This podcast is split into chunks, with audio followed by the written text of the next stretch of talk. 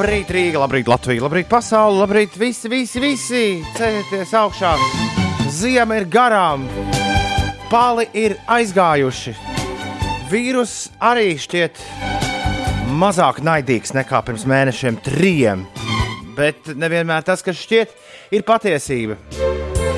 Var jau būt, ka tagad ir vēl nu, tāds plaukstošs pavasars, bet sajūta gan ir kā vasarā. Ārā ir silts un patīkams, un izskatās, ka nekāda negaisa un, un vēja tuvākajā laikā to nekādā veidā jā, negrasās sabeigt. Ir uh, 5 pār 6, ir 4. un 11. jūnijas. Ar jums kopā Toms Grēviņš, esmu Doma laukumā. Jā, Latvijas radio 9. studijā, no kuras raida Latvijas radio 5,5 LV. Un man attālināti joprojām, jo distancēšanās un kopīga būšana darba telpās un, un, un, un vispārēji noteikumi un uh, Latvijas radio iekšējie noteikumi, un to visu sasumējot, joprojām distancēt ar mani kopā ētera briedis Ulris Ziediņš. Labrīt, Ulri! Labrīt! Un ētera stirna Ines Pučaka. Labrīt, Ines! Labrīt! Nu, kā tad jums šajā rītā? Ļa, Pagaid, ļauj minēt, Ines izkāpa no gultas pirms desmit minūtēm. Nē, šorīt es izkāpu no gultas, tad, kad es jums eh, uzrakstīju aptuveni 5.15. Kāpēc tik ātri? Tāpēc, ka šī ir gara diena un vajag paspēt izdarīt vēl pirms tā sākas daudzas lietas. Tas ir interesanti, ka tieši garākās dienās mēs ceļamies agrāk. Īsākās dienās sanāk pagulēt bišķi ilgāk. Tā, nu tas dažkārt ir iekārtots. Es šorīt, eh, šorīt ar autobusu, kurš ir 11. tramvaja vietā uzlikts, pārvietojos tādā ātrumā, ka principā bija sajūta, ka es esmu pa vienu eiro taksi dabūjis. Nu, tie taksi nepieved pie radio pašām durvīm, bet nu, vispār, vispār fēni es jums teikšu. Viņiem reizēm uznāk tāds uh, pedāļu spiežamais garastāvoklis. Trolēļbusiem arī līdzīgi ir. Tramvajiem retāk. Bet interesanti, jo kādreiz kāds mūsu klausītājs mums skaidroja, ka, ja tu ierodies, jo tev ir elektroniski, nu tev iefiksē tās pieturas. To gan mē, toreiz mums klausītājs rakstīja par zinātājs. To viņš rakstīja par tramvajiem. Ka, ja gadījumā tu elektroniski esi iefiksējies vairāk kā divas minūtes pirms vai divas minūtes pēc pieturā, tad tev var kāds sataisīt ziepes. Varbūt šim aizvietotājam nav to sensoru, viņam ir vienalga. Ļoti, iespē ļoti iespējams. Šī ir, nu, tas arī izskaidro to, kāpēc vakar autobuss atnāca 4 minūtes pa vēlu. Šodien viņš bija laikā. O, ps, jā, bet, redz, rīta tramvajs ir ļoti pedantisks. Nē, varbūt klausās mūsu. Rīta, rīta tramvajs ir ļoti pedantisks. Bija ļoti pedantisks, tad, kad tas gāja. Tiešām, nu tā. Šitā tikos, tikos, tikos, tikos. Un, ja nav, tad pastāv, pagaida, un, un, un tad tikai brauc. Jā, esmu novērojis, ka uz vakaru pusi droši vien, ka tur vainojami sastrēgumi vēl kaut kas, un tad tur sašķiebis nu, tie laika. Gribot, negribot, ne vadītāju dēļ un skriešanas dēļ sašķiebis tie laika. Uh, līdzīgi kā lidostās. Lidostās arī runā, ka lielākās nobīdes no paredzētā saraksta rodas tieši uz vakariem. Jo no rīta viss sākas diezgan tā raiti, bet tad ai, kaut kā dienas laikā tomēr. Nu, Savāds. Jā, viss nav, viss nav tik gludi. Ar sabiedrisko transportu ir līdzīgi. Es vakar stundās uz to, kas ir rakstīts, nevienmēr var paļauties. Ir īpaši, ja tu nebrauc no gala punkta, tuvas pieturas. Pagaid, pagaid, vakar stundās, vai tad tev nav jāiet ar kājām mājās? Nē, man jau tagad ir. Es, es stāstu par, es stāstu par iepriekšējo dzīvi. Labi, eh, jebkurā gadījumā es braucu gar Mākslas akadēmiju, es nobijos no uzraksta. Uh, no uzraksta liels uzraksts pie Mākslas akadēmijas. Vai mākslu dzemdēs padomju vara? Uz otrā plakāta ir rakstīts, ka ir nu, ka Mākslas akadēmija ir atvērto durvju dienas ar domu, ka droši vien jaunie topošie mākslinieki var nākt skatīties. Bet nu, es esmu no tās paudzes, kuram šī tāda uzraksta rīktīgi nepatīk. Vienalga, kas ar to būtu domāts. Es saprotu, mākslā jābūt provokatīvai, un mākslas akadēmija vienmēr ir bijusi provokatīva. Es mēģināju uzgooglēt, kas tas ir, ko tas nozīmē, kāpēc tas ir. Google man nedēva it nekādus rezultātus. Un, uh, jā, es domāju, varbūt kāds no mūsu klausītājiem zina, kas, kas pie vēlna, kas pie vēlna ir iekodas atkal mākslas cilvēkiem. priekš kam tādu uzrakstu ir jāliek? Ir īpaši tādā ļoti nu, laikā, kad cilvēki uzvelkas bieži pa visu kaut ko. Kāds cits droši vien, nezinu, tur Ulu, Twitter brālis vai māsa riktīgi uzsprāgt, ja, ja šito būtu ieraudzījis. Tā, rekurēs atradu Mākslas akadēmijas Facebook kontā. Tas ir uh, aicina diskutēt par augstskolu iekšējās pārvaldības modeļu maiņu. Ir tāds bijis, laikam, valdības ziņojums. Ah, un, uh, tur Jā. bija kaut kāda doma par kultūras augstskolu padomju apvienošanu vai kaut kas tāds. Un tāpēc trīs kultūras augstskolas ir uztaisījušas projektu Nē, padomēm. Un jautājums, vai māksla dzemdēs padomi var, ir par šīm padomēm. Okay. Tēma atcelt. Bet tu, tu piekritīsi, tur... ka izskatās provo mega provo Nē, nu, provokatīvi. Speciāli tā, ir tā, speciāli tā ir taisīts. Bet ar PSRS tur nav nekāda sakara, kā izrādās. Ir vienkārši aicinājums ne padomēm. Tur par Jāņa, Jāņa Čakstas citāti kaut kādu salikt, un es atzīšos godīgi, ka neesmu izsekojis līdzi, kādi bija tur tie valdības plāni kultūras augstskolu sakarā. Nu, visam, nevar, Teikšu, visam nevar izsekot. Lai Jā. arī Ivets tūlīt rakstīs, ka tu neesi sagatavojies raidījumam. Jā, es šim tiešām ne, neesmu, neesmu sagatavojies. Es neesmu sagatavojies. Es, es Augstskolu pārvaldības tas uh, likums ir ļoti sarežģīts. Ik pa laikam kādai no pusēm ir uh, iebildumi. Uh, Un uh, viena lieta no, no, no tā, kas tur bija rakstīts, bija arī par uh, universitāšu Nē, Ines, nē. Maiņu. Ko? Ines, ja es neesmu tā kā skolā, ja es neesmu sagatavojies, tad, tad es pieprasu tiesības arī tu turpināt būt nesagatavojies.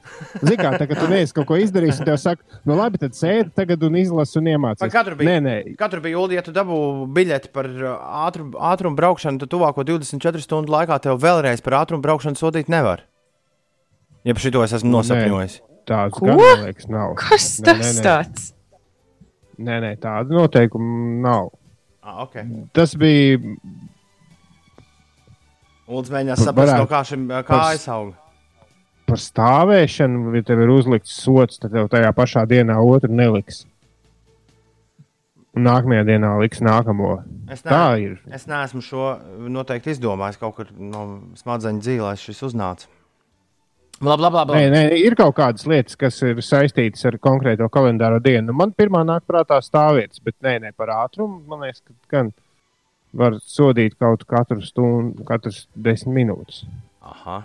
Es, ja godīgi nezinu, tas būtu interesanti. Ne, bet tas neizklausās loģiski, jo tas nozīmē, ka tev tas viens do, sods dod kā tiesības pārkāpt noteikumus, kā nevarētu būt. Vai ne? Katrs pārkāpums ir. Iveta raksta, viņai nav laika, pieks, nav laika pieksīties. Viņa skrien, es esmu reāli gudrs, un, ja nezinu, tad vajag iekniegt. Jā, bet, bet es tiešām nezinu. Es, ja godīgi, šorīt varbūt nemaz negribu zināt par kultūras augstskolu pārvaldības modeļu maiņu. Lai kā Ines nav, godīgi censtos to man izstāstīt. Kultūras augstskola, tas ir vispār augstskola. Jā, bet Ines, es, es neesmu sagatavojies. Es esmu pieprasījis tiesības izraidīt es, man no klases, un es, es nebiju, gribu skriet un dejot. Es nebiju domājis, ka mans ieraudzītais uzraksts pie Mākslas akadēmijas izvērtīs šādu diskusiju. Nebūtu nē. Ziniet, tas ir tā kā, ka tu aizēji uz muzikas skolas klavieru nodarbību, nesagatavojies cerībā, ka tev teiks, nu tad ej mājās. Un tas saka, nu labi, tad sēdi mācies šeit. Nē, bet es, gribu, es neesmu gatavs, es gribu iet mājās. Vai tas no personīgās pieredzes? Jā, man bija ļoti labi klavieru, klavieru mācības. Es astoņos gados vienu skaņdarbu tikai spēlēju ar pedāli. Tie, kas spēlē klavieru, zina, ka tas ir nožēlojami. Jo vienreiz netiku, es vienreiz netiku skolotāju, vienreiz man nebija līdz notis, un vienreiz es nebiju īsti gatavs. Ir speciāli pedāļu skolotāji mācoties klavierus? Nē, ir, ir pedāļu klavierēm. Tur klavierēm ir pedāļi, to es esmu redzējis. Jā, bet... es kādreiz gribētu dzirdēt, kā Ines spēlē klavierus. Mums varētu, mums varētu būt. Uh, šis, šis būtu labs vairāk video pieraksts, Ulu, mūsu ideja grāmatā, kurā sen mēs neko neesam rakstījuši, jo idejas ģenerējas mazāk kaut kā šajā pandēmijas laikā. Bet uh, ideja tāda, vairāk video, Vestards Šimkus, man un Inesē māca, nu, viņš pārbauda mūsu klavieru zināšanas, kurš no mums trāpīgāk var izpildīt kaut kādas uzdevumus. Šis varētu kāpēc aiziet. Man, kāpēc man stāv galvā kaut kāda saistība tev ar klavierēm? Nu, jā, bet viņi bija pirms ļoti daudziem gadiem. 30 gadiem. Vai, es tev nesen stāstīju par savu klavieru skolotāju, kurš bija Ukrāņu izcelsmes, kurš teica, ja Lācija var iemācīt dejot, tad Tomu var iemācīt spēlēt klavieres. Beigās viņš atzina, ka Lācija iemācīt dejot ir vieglāk. Jā, es ceru, ka. Nu, Es, vispār, es, es, es, varu es ceru, ka 21. gadsimta sabiedrībā vairs lāčiem nemāca dejot, un lāčiem ļauj dzīvot normālu dzīvi. Tur pie Jā, jūs- Velgas Vītols.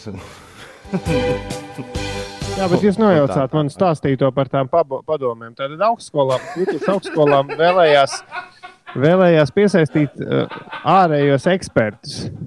Jo Latvija ir pēdējā valsts Eiropas Savienībā, kur augstskola pārvaldībā neiesaistās šie ārējie eksperti. Nav eksperti. Jā, bet mākslas augstskolas uzskata, ka jaunās padomas, kurās darbotos šie ārējie eksperti, nozīmēs autonomijas zudumu. Es pieprasu Manfordiņus tagad. Uzdejosim par godu augstskolu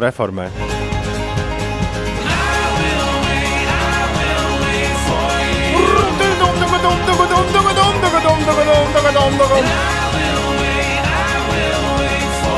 Evitai rīts labi iesācies. Viņa cels bērnu dārzniekus un vēl mums visiem jauku dienu. Lai jauka diena tev, Evita, un lai bērnu dārzniekiem labs prāts. Labrīt! Gins ir pamodies, kā katru rītu miegam nākot šis ceļā uz darbu, un daceliena laukā no miega migas tik saldi bija, ka grūti saņemties. Saņemies dacē! Today very lucky! Congratulations me! Yay! Kur tad uh, Iveta no ērgļiem ir āvusi, ka šodien līst?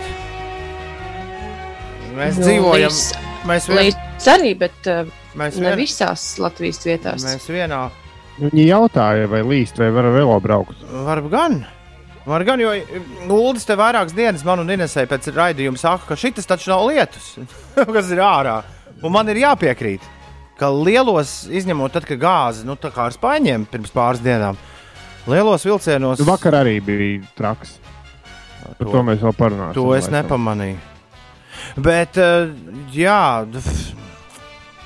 man šķiet, ka lielākoties ar lietu tīri labi var tikt galā. Ui, nē, šodien būs karsts, plus 26 pilsētā, saulains un o, kā uzšaus. Rīt no rīta kaut kāda nokrišņa ir iespējams gaidām, bet, bet šodien vajadzētu būt, ka viss būs riktīgi čiki puki, kā saka. Vienā seriālā, par kuru mēs arī vēl Ulu šorīt parunāsim. O, kas tas šodien ir solīts? Šodien ir solīts daudz lietus un pērkona negaiss, bet tas ir Latvijā visā kopā.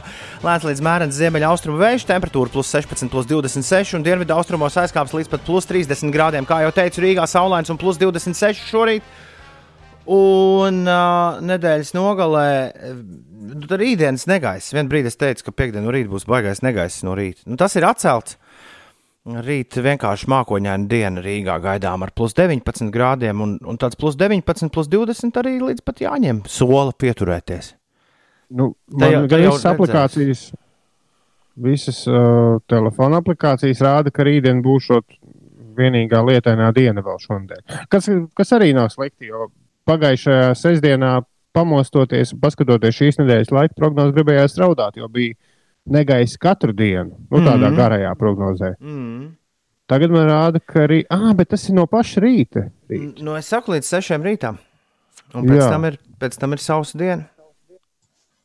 Vienīgi šitie mēdz pāriet, tie, kas ir nu, kaut kādā konkrētā laikā, viņi mēdz tur peldēt. Bet tagad man bail, ka tu tur šitā saki, jo garākā izklāstā te rāda vispār sausumu un siltu plus 20, ka tik tas nepārvēršas atkal par kaut ko. Par pārāk lielu sausumu un siltumu. Nu, jā, apmēram. Kas tev vakar tev ar lietu gadījās? Var pāris vārdos Vakar- izstāstīt. Vakar man bija pirmais lietus brauciens ar motociklu. Paldies mūsu- paldies mūsu rīta kolēģim no cita radio Valdim Elderim, kurš uzņēmās, kurš, kurš rīkoja nu, tādu nelielu izbraucienu un kaut kā sanāca, ka neviens cits netika. Un desmitos no rīta normāli cilvēki īsti netiek tādā braucienā. nevar Bet būt. man- Nevar būt. Bet, bet man dīvainā kārtā bija laiks.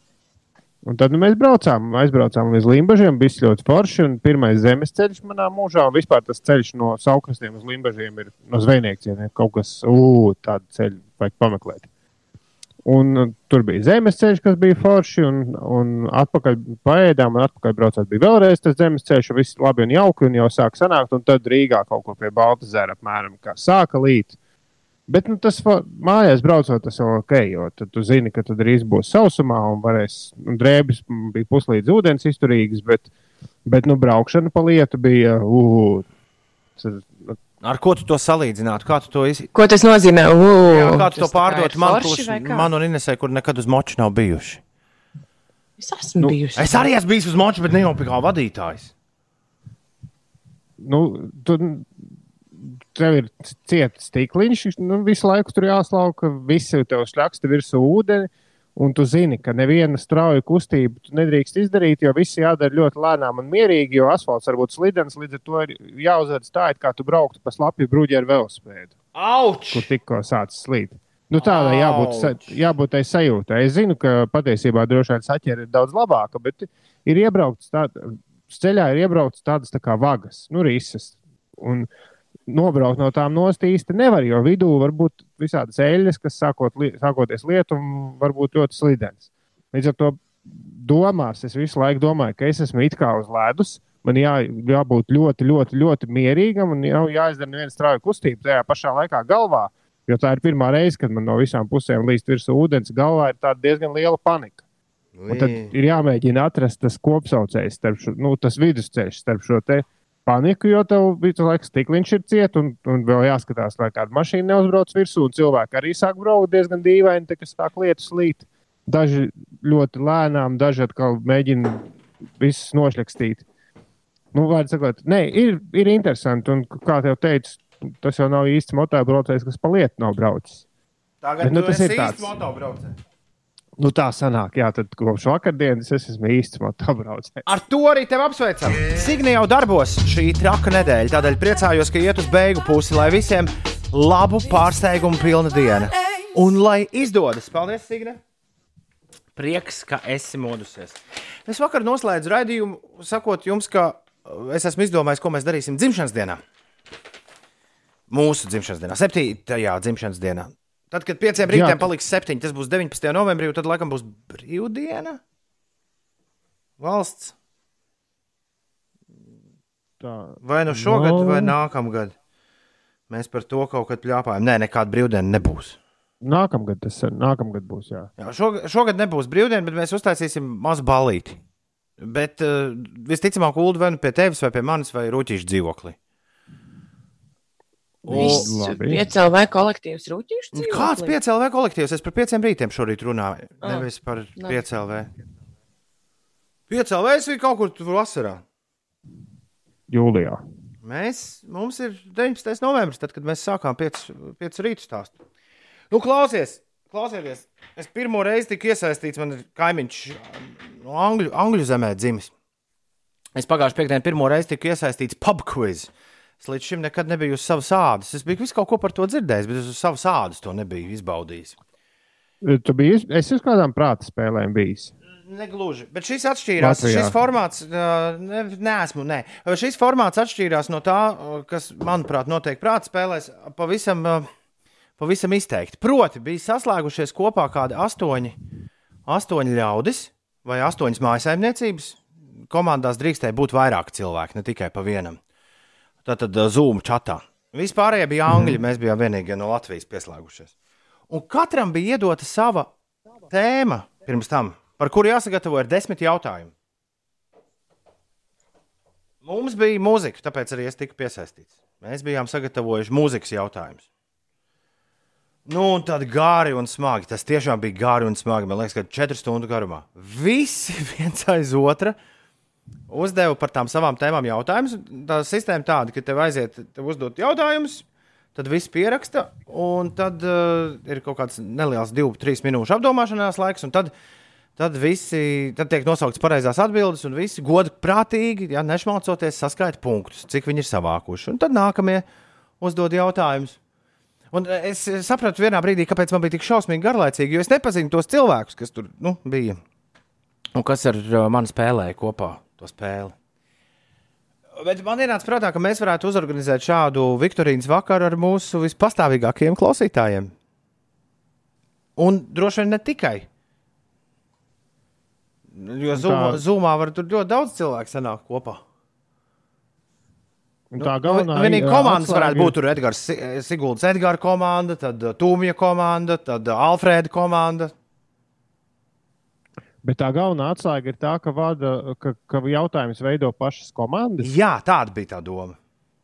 Jo, nu jā, jo tas ir, tas ir Zoom laika izdomājums. Jo papuļs tomēr vada kāds vienmēr. Jā, jā. jā.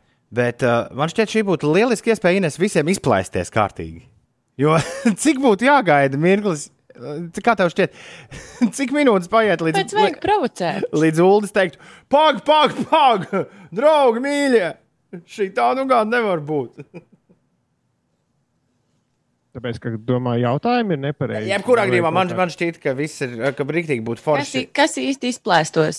Mēs vai komandas? Visi savā starpā. Visi, visi savā starpā. Bet jā, man šķiet, ka šis būtu lieliskāk, jo mēs, mēs pagājušajā gadā mēģinājām kaut kā saprast, vai pirms diviem gadiem neatceros, kā ar klausītājiem kopā nosvinēt savu dzimšanas dienu. Man šķiet, ka šis laiks un tehnoloģiskās iespējas ir parādījušas, kā mums būtu jānosvin. Un es ierosinu svinēt, svinēt kopīgi ar visiem, uzraujot geogrāfijas spēles un to testā superhibrīdu piecu rīta dzimšanas dienā. Kaut kā jāizdomā, kā to visu arī strīmot pēc tam vēl. Bet to jau mēs varam pateikt. No... Tā nevar būt slēgtā balī. Nē, bet to arī uzreiz var strīmot Facecity dzīvē. Tas jau jā, jā, tas ta... vienkārši ir jāizdomā, kā jau to visu izdarīt. No. Nē, nē, tur ar, man liekas, ka šobrīd jau pašā žūmā var ar vienu pogu to izdarīt. Ja tur viss ir saslēgts kā vajag. Jā, varbūt. Es neesmu pētījis. Tā kā tā. Kā tā. Bet varbūt vajag arī privātu ballīti, kā saka Inês. Pagaidiet, mums ir cik laiks? Jūlijas, augusts, septembris, oktobris, novembris. Uz pieciem mēnešiem, ko izplēsties par šo. Bet, ja jūs to pirmo ideju pieņemat, tad mēs tālāk vienkārši varam to apaudzēt un par to domāt. Piemēram, Kailais Fūrists, kur raksta, ka ideja ir super. Viņš grib Kailā Fūrista komandu arī šajā spēlē. Viņa biedri būs Kailie. Es ceru. Jā, tur, varētu, nu, ir... tur, tur varētu būt arī kaut kāda masku balvas tematika. Nu, ka katra, katra komanda par kaut ko ir pārģērbusies siguldieši ar eh, kļavu, kļavu kokiem fonā. Ar ievām, ar ievām, ar ievām, ievām, ievām. Rudenī jau kādas tur ievas. Rudenī krāsaini. Vai tā ir Kristapa komandā suņi un kaķi? Jā, vai špricis un, špricis un zāģi. Jā. Nē, es to, ka es ideju pierakstīju. Ļoti labi. Ticiet man, es kādā mirklī to atkal pakustināšu, jo diez vai to kāds cits darīs. Uh, Cīpola vairs negrib būt turistu komandā. Nē, fūristu. viņš jau būtu ar, uh, viņš būtu zemnieku komandā, jo viņš ir sīpola vīrs. Tur arī viss traktoristi, ja?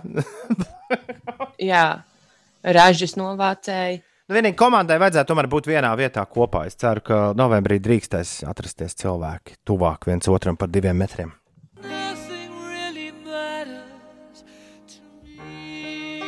Ulu, šī dziesma šodien ir veltījums tev, tavai gadsimtai. oh. Man liekas, ka ļoti labi nu, piestāv tam, ko tu atzīmē šodien. Īpaši tā vidus daļa ar to skaramušu, skaramušu, Vilju Dūze, Fandango. Kas vēl tev ir pa gada dienu šodien? Šodien ne tikai mana brāļa vārda diena, tāpēc es šo datumu tik labi atceros. Bet šodien ir tā 1, 2, 3, 4, 5, 8 gadus. Tikai 8. Man Kopš es esmu. jā, kopš es kaut kādas pīpes esmu mutē ņēmis. Jā, vien. Jej! Malacis! Nav kaut kāds klubiņš, kur satiekas anonīmie kādreiz smēķētāji. Jā, bet es, es jūtos, Kāds ir kā mēs pīpējam? Jā, jā, bet es jūtos kaut kā mazliet uh, nu, nepelnīti viegli ticis tam pāri. Jo es zinu, cilvēks, kas ka- saka, ka viņi vēl gadu katru dienu domā. Man tas kādu mēnesi prasīja. Un tāpēc, ka tu māki domāt arī par citām lietām. Man liekas, cilvēki, kuriem ir plašs interešu lokus, viņiem ir ātri iespēja aizrauties ar kaut ko citu. Es, vis- es, pēc, sevi, es pēc sevis spriežu, protams, protams. Bet, um, bet sapņos es, man liekas, pēdējo reizi uzpīpēju vēl kaut kad šogad, šī gada sākumā. Sapņi arī man gadu laikā apmēram pa- pazuda. Ah. Bet man, man ir ļoti liels aizdoms, ka atslēgu pilnīgi nejauši nospēlēja viena kolēģi, jo es tajā laikā tur biju visādās reklāmas un PR aģentūrās bieži viesis. Viena kolēģi, kas bija kādas aģentūras vadītāja, kur teica, ka viņi bija ļoti pārsteigti ieraudzījis man pagalmā pīpojumu un teica, "Ā, nu, jā, dīvaini, tad es nebiju zinājis, tev galīgi nepiestāv. Ah? Nu, nu, kaut kā tā, ka, nu, ka tas jau tāds prastu ļaužu hobijs. Un Es, es, tik ļoti es, tā. es arī to ļuļķi līdz galam noliku tikai dāmas dēļ. Es tev ļoti labi Tāpat, ne, saprotu. tāpat, nebija, tāpat nebija dāma, tā bija tiešām kolēģi. Nu, Nu, labi, labi. Nu, mazliet ar, ar pieredzi. Vienkārši viņi kaut kā pateica, nu, ka gudri cilvēki jau tā it kā nedara. nu, ar, apmēram tāda bija tā saruna. Iz- Un tā saruna iz- bija. Izņemot 60. gadu franču jaunā viļņu filmās, bet vairs nav 60. gadi, jo kāds jaunais vilnis, vai ne? Jā, vai viņi bija gudri, par to arī var diskutēt. Mieru, tikai mieru. Ir 6,45 sīnēs, kas notiek. Šodiena ir pilna ar dažādiem pasākumiem. Lidlaukās pilva norisināsies autokoncerts 500 automašīnām ar grupas labvēlīgais tips, astronautu pienvedēju piedzīvojumu un Rīgas modes eh, uzstāšanos. Šodien, pulksten septiņos vakarā, virtuālo pirmizrādi piedzīvos teātra trupas kvadrifronts izrāde LVVSRU. Izrāde ir vēsturisks mīlestības stāsts par latviešu un krievalodīgo attiecībām. Izrādes pamatu veido radošās komandas stāsti par eh, dzīves laikā piedzīvoto. Vēl eh, brīvdabas koncerta zālē Mītava Jelgavā šovakar, eh, septiņos vakarā, uz muzikālu tikšanos aicina ģitāras virtuos Mārcis Auziņš ar solo programmu Aizrautība. Un par laikapstākļiem šajā dienā tas arī ir svarīgi, ja dodas uz dažādiem koncertiem un pasākumiem. Daudz vietā Latvijā iespējams lietus un pērkona negaiss, spēcīga negaisa risks. Visli, vislielākais būs pēcpusdienā un vakarā zemgalē un latgalē. Tā prognozēsim. Rīgā ne. Rīgā nu, saglabājas īslaicīga lietus un pērkona negaisa varbūtība. Okay. Gaisa temperatūra uzspīdot saulē būs plus 18, plus 26 grādi, bet valsts dienvidu austrumu pusē gaidām pamatīgi tveica tur līdz plus 27, plus 30 grādiem. Lieliski. Ines, tev bija pirmais kāpšanas treniņš zālē ar citiem cilvēkiem kopā? Uh, īsti citi cilvēki tur nebija, bet tas bija pirmais uh, kāpšanas treniņš, kurā es biju zālē kopš. Uh, Nu, kāpēc, ja Kopš, tur ā, nebija citi cilvēki, kāpēc tu nevarēji iet Covid laikā? Nu, tas ir Nu, tāpēc, ka zāle bija ciet. cieta. Super ierobežojuma laikā. zāle bija Nu, cieta. kāpēc nevarēja tev vienai viņu atvērt vaļā? Jā, nu, zāle bija. Zāle bija. Kāpēc man cieta? vienai nevarēja to atvērt vaļā? Bet uh, nu, Rīgā šobrīd ir uh, vairākas vietas, kur iet kāpt, un ir dažas tādas man iecienītākas uh, vietas, kur es eju kāpt. Un tā vieta, kur es vakar biju, man ļoti patīk, jo tur tiešām ir ļoti maz cilvēku. Un tad ir tā, ka tu viens pats vari izdzīvoties pa visu kāpšanas stūrīti, cik vien tev sirds kāro. Un, Vakar pirmkārt es gribēju braukt ar velosipēdu uz kāpšanas zāli, bet izgāju ārā no, no dzīvokļa un skatos, ah, līst. Bet par laimi man kabatā bija arī mašīnas atslēgas. Tā kā Oh, tas bija uh, mans uh, pirmais uh, brauciens pa Rīgu. Nu, tā bez tāda ļoti nopietna iemesla un vajadzības. It kā jau varēja arī ar riteni aizbraukt. bet- Ātri, Ātri tā jaunburžuļu dzīvība ir iepatikusies. Tā ir tā, tā, ir, tā, tā, ir, tā, tā, ir, tā. ir. Galvaspilsētas madāmiņa. Jā, tā, tā nu tas ir. Nu, zālē, protams, visās malās visi dezinfekcijas līdzekļi, tik līdz paņem kādu hanteli vai ko, tāpēc tam notīri noliec atpakaļ vietiņā. Un uh, bija forši. Īsnībā es biju mazliet pat, patīkami pārsteigta, ka pēc šī ilgā nekāpšanas laika nu, nav tik traki. Šo to jau izdarīt vēl var. Vienīgais, ko es mazliet laikam sam, samocīju, ir tie mani mūžīgi sāpošie ceļi. Un šobrīd es mēģinu sēdēt uh, ar taisnām kājām, jo grūti salocīt. Oh.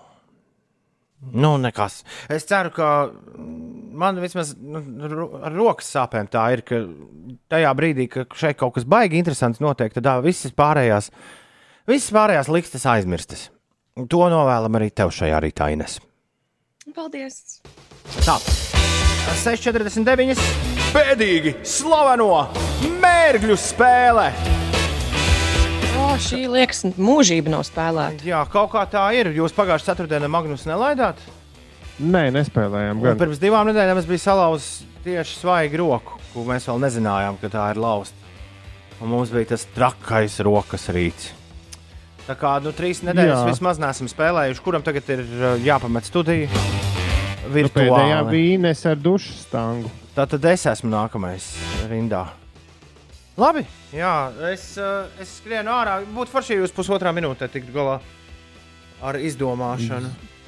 Kas un kā? Ja? Jā, mēģina, jā. Labi, jūs esat atstāti ēterā saurupi. Tā kā nu, nerunājiet muļķības. Eju prom, es eju prom, es paņemu tēju. Kāpēc mēs nevaram runāt muļķības? Jā, mēs varam runāt muļķības. Lā, lā, lā, lā, lā muļķības. Beidzot, tas brīdis, kad mēs varam runāt nu, tā, vieni paši bez doma un runāt pilnīgi, ko sirds kāro. Es vēl jūs visu dzirdu, bet es tūlīt būšu izgājis no studijas. Ir jau pusminūte pagājis kopš mēs. Jā, tu ļoti lēnām ej ārā no studijas. Tom. Viņš te eitais. Labi. Labi. Tā, Es domāju, ka viņš tagad jau ir. Ah, dzirdēju, durvis noskanēja, ir ārā. jā, dzirdēju gan. Jā, es jau godīgi biju aizmirsis par mēģinājumu spēli, tāpēc neesmu gatavs. Un, un kaut kādas, kaut kāda, nezinu, Sherlock Holmes pīpi. Mēs tikko runājam par Pīpi. pīpēšanas atmešanu, bet tas ir pārāk svaigs. uh, Tas vēl pārāk kā- svaigs, jā, kā tu saki. Man liekas, ka viņš varētu kaut ko par uh, moču lietām. Kaut kas tāds varētu būt. Motociklista sargs. Elkoņu sargi. Elko... Jā, viņš varētu būt Nu, tas elkoņu saist-. Bet nu, saistībā ar manu motobraukšanu. Ja? Jo Jā, tad, kad es gāju skolā, elkoni. man, neb... jā, man nebija vēl speciālās jakas, un tad man bija jāliek instruktors. Deva tādas, nu, tos pašus, ko dod skrituļus lidām. un kam tur. Jā, Ja, tad, nu, Labi, nu, principā, vienkārši elkoņu sargi arī tie, kas dara nu, tur skrituļus. vienalga kāda, ja? bet elkoņu sargi. Es tad rakstu, Tā, es, nāk. es tikko, jā, es tikko arī čatā ierakstīju elkoņu sargi. Labi, raksti. Uzrakstīju. Es nāku atpakaļ, es nāku atpakaļ, Mēs dzirdam, es nāku atpakaļ, jā, to visi es dzird. Es back. es nākšu mājās, tad, kad tu man Ulu, visu piedos. Es tikko gandrīz, gandrīz biju viena pogas spiediena attālumā. Es jau biju sācis rakstīt uh, mūsu čatā atbildus. Brīnišķīgi. Brīnišķīgi. Mosties, draugs, mosties. Man tagad ir uh, trīs minūtes laika izdomāt, kas jūs, ko, kas jūs tādi esat, ko jūs man šodien esat uzvēluši kādu, kādu akmeni. Vai es esmu priekšmets? Jā, Es esmu re, Jā. reāls priekšmets, aptaustāms. jā. Jā, Vai es piedaru kādai speciālai personībai, un jūs vēlēsieties zināt arī šo personību? Nē, nē. Jūs vēlaties vienu vārdu šodien no manis izspiest. Nu, vispār divi. Divus. Jūs vēlaties divus vārdus no manis izspiest. Jā. Vai, mans, vai šis priekšmets ir saistīts ar motobraukšanu? Kāpēc tā domā? Nu, es prātu, ko nozīmē Romā. Es jau uzdodu jautājumu. Arī, arī, jā. Vai tas ir saistīts ar autobraukšanu? Nē, Nē, Ar motobraukšanu tā kā vairāk, jā? Ja? vairāk, jā. Mhm. Blakus vāģis ir viens vārds.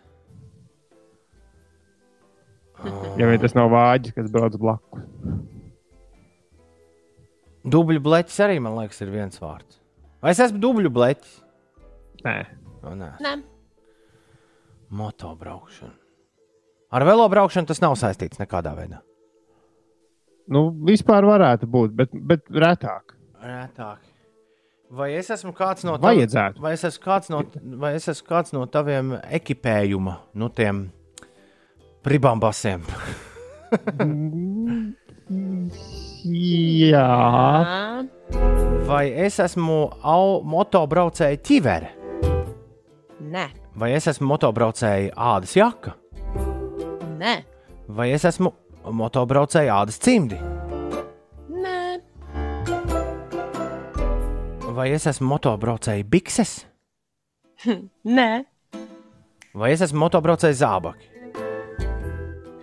Tas Nē. bija viens no variantiem, bet nē. Vai es esmu motobraucēja blakusbraucējs?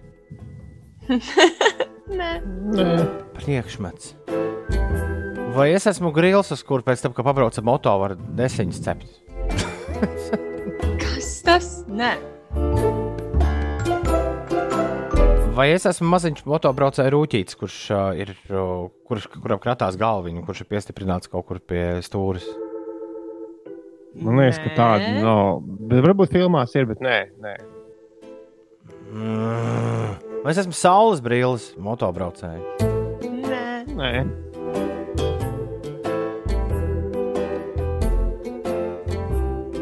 Vai es esmu bremzes pedālis? Nē. Nē. Vai es esmu ātruma kārba? nē.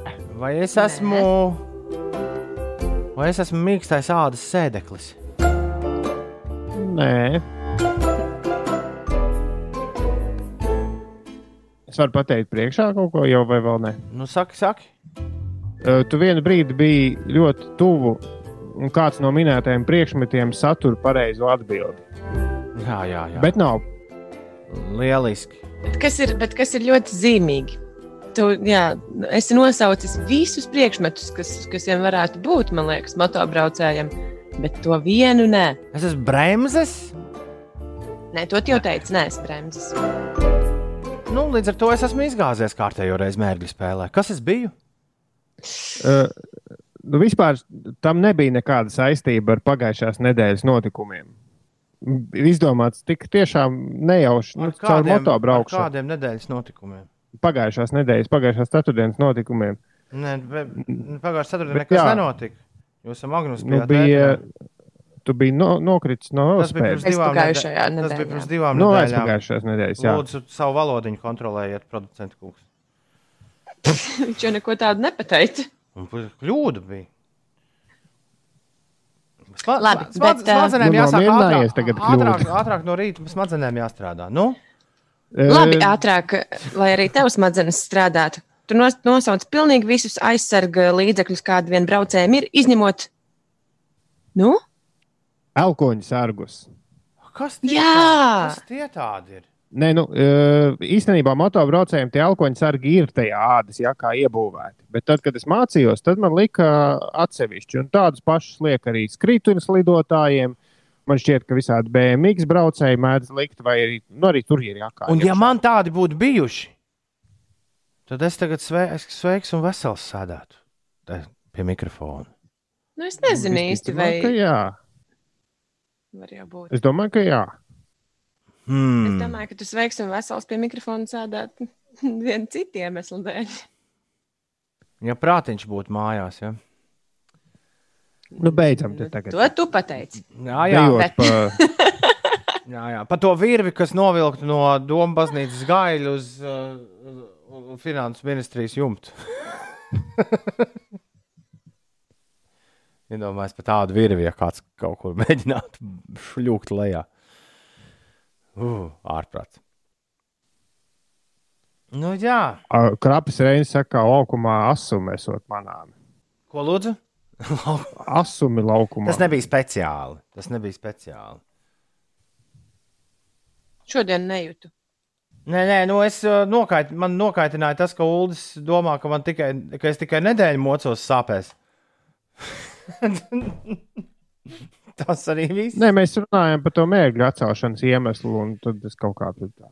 Jā, jā, bet tev kopš, Nu, tas- kopš avārijas rīta ir jau divas nedēļas apkārt. Šajā laikā taču nav iespējams izsekot līdzi divas nedēļas, mēnesis vai kas vispār par dienu. Un tūlīt ir pusgads no gada pagājis. Nu, re. Šausmas. Tieši vakar sarakstījāmies ar vienu bēdu brāli, ar kuru ar kuru mūziku pārunājam, ka tūlīt parasti nu, mēs kaut kādus jau tādus gada apskatu uzmetumus 1. jūlijā taisām. Un, un tad bija tāds, ah, ārprāts, tiešām ir jau klāt. Mm -hmm. Tiešām ir jau klāt.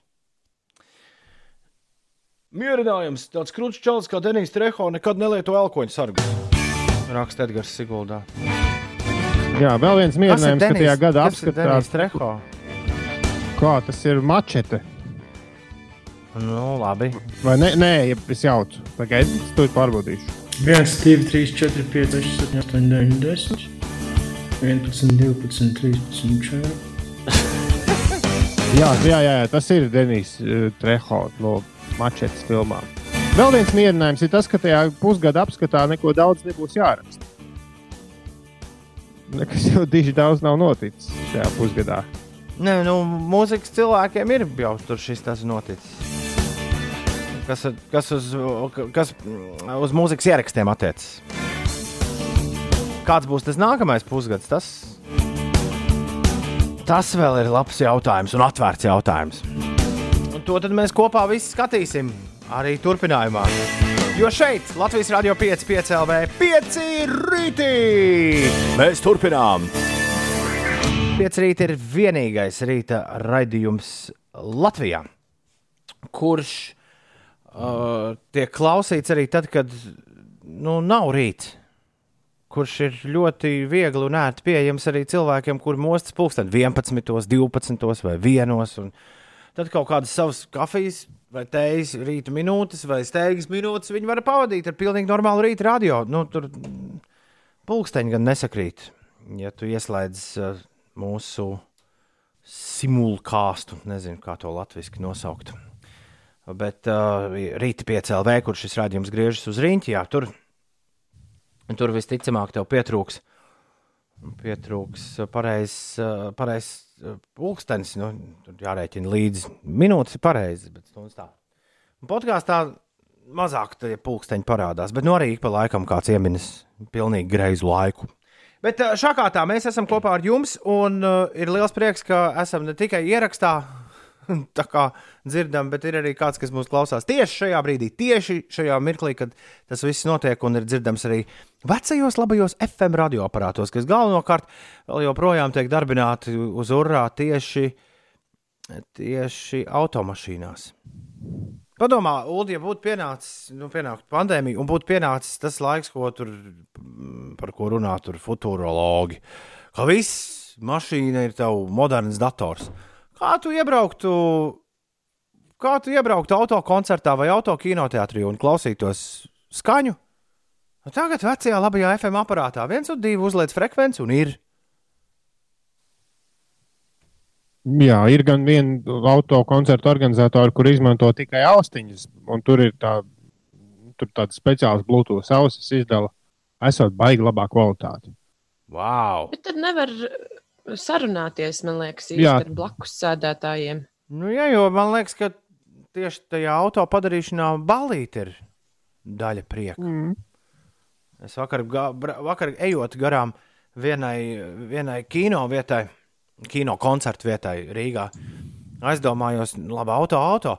Bet man ienāca prātā, ka mēs, nu, piemēram, es, Ulas un Ines, mēs varētu kādu vakaru paņemt plediņu aiz visām tām automašīnām. Tīri labi, tur zālītē varētu izklāt un pasēdēt un paskatīties, piemēram, kādu filmu un rādio paņemt līdzi nu, un uzgriezt mazo. Interesanti, mūs kāds dzītu prom.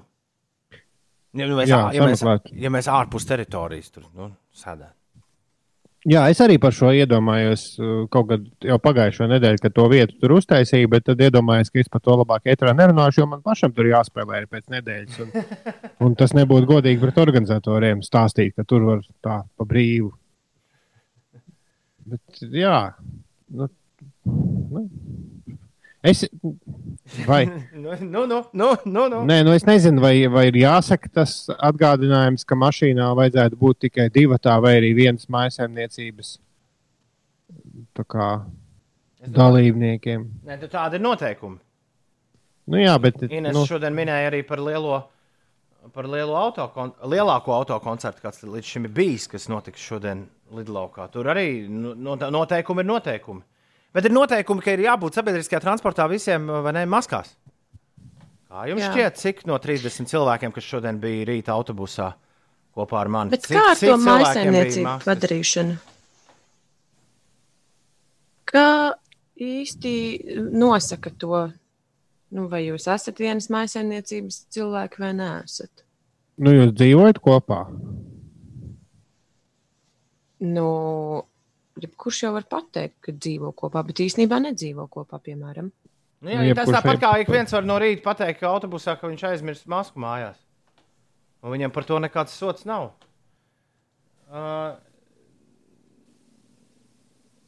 Nu, jā, bet vai, vai citu cilvēku noteikumu neievērošana kaut kādā veidā attaisno tevi? nu, Nav runa par Normālās- ā, tas ir tevi, mani vai vēl kādu. Es gribēju saprast, kā pārbauda to, vai cilvēki ir vienas nepārbauda. Kurš pārbauda to, vai cilvēks sēž sabiedriskajā transportā maskās? Vai tur nav jābūt uh, kontrolieriem, kas arī to paskatās? Nē, kontrole to īsti nē. Uh -uh.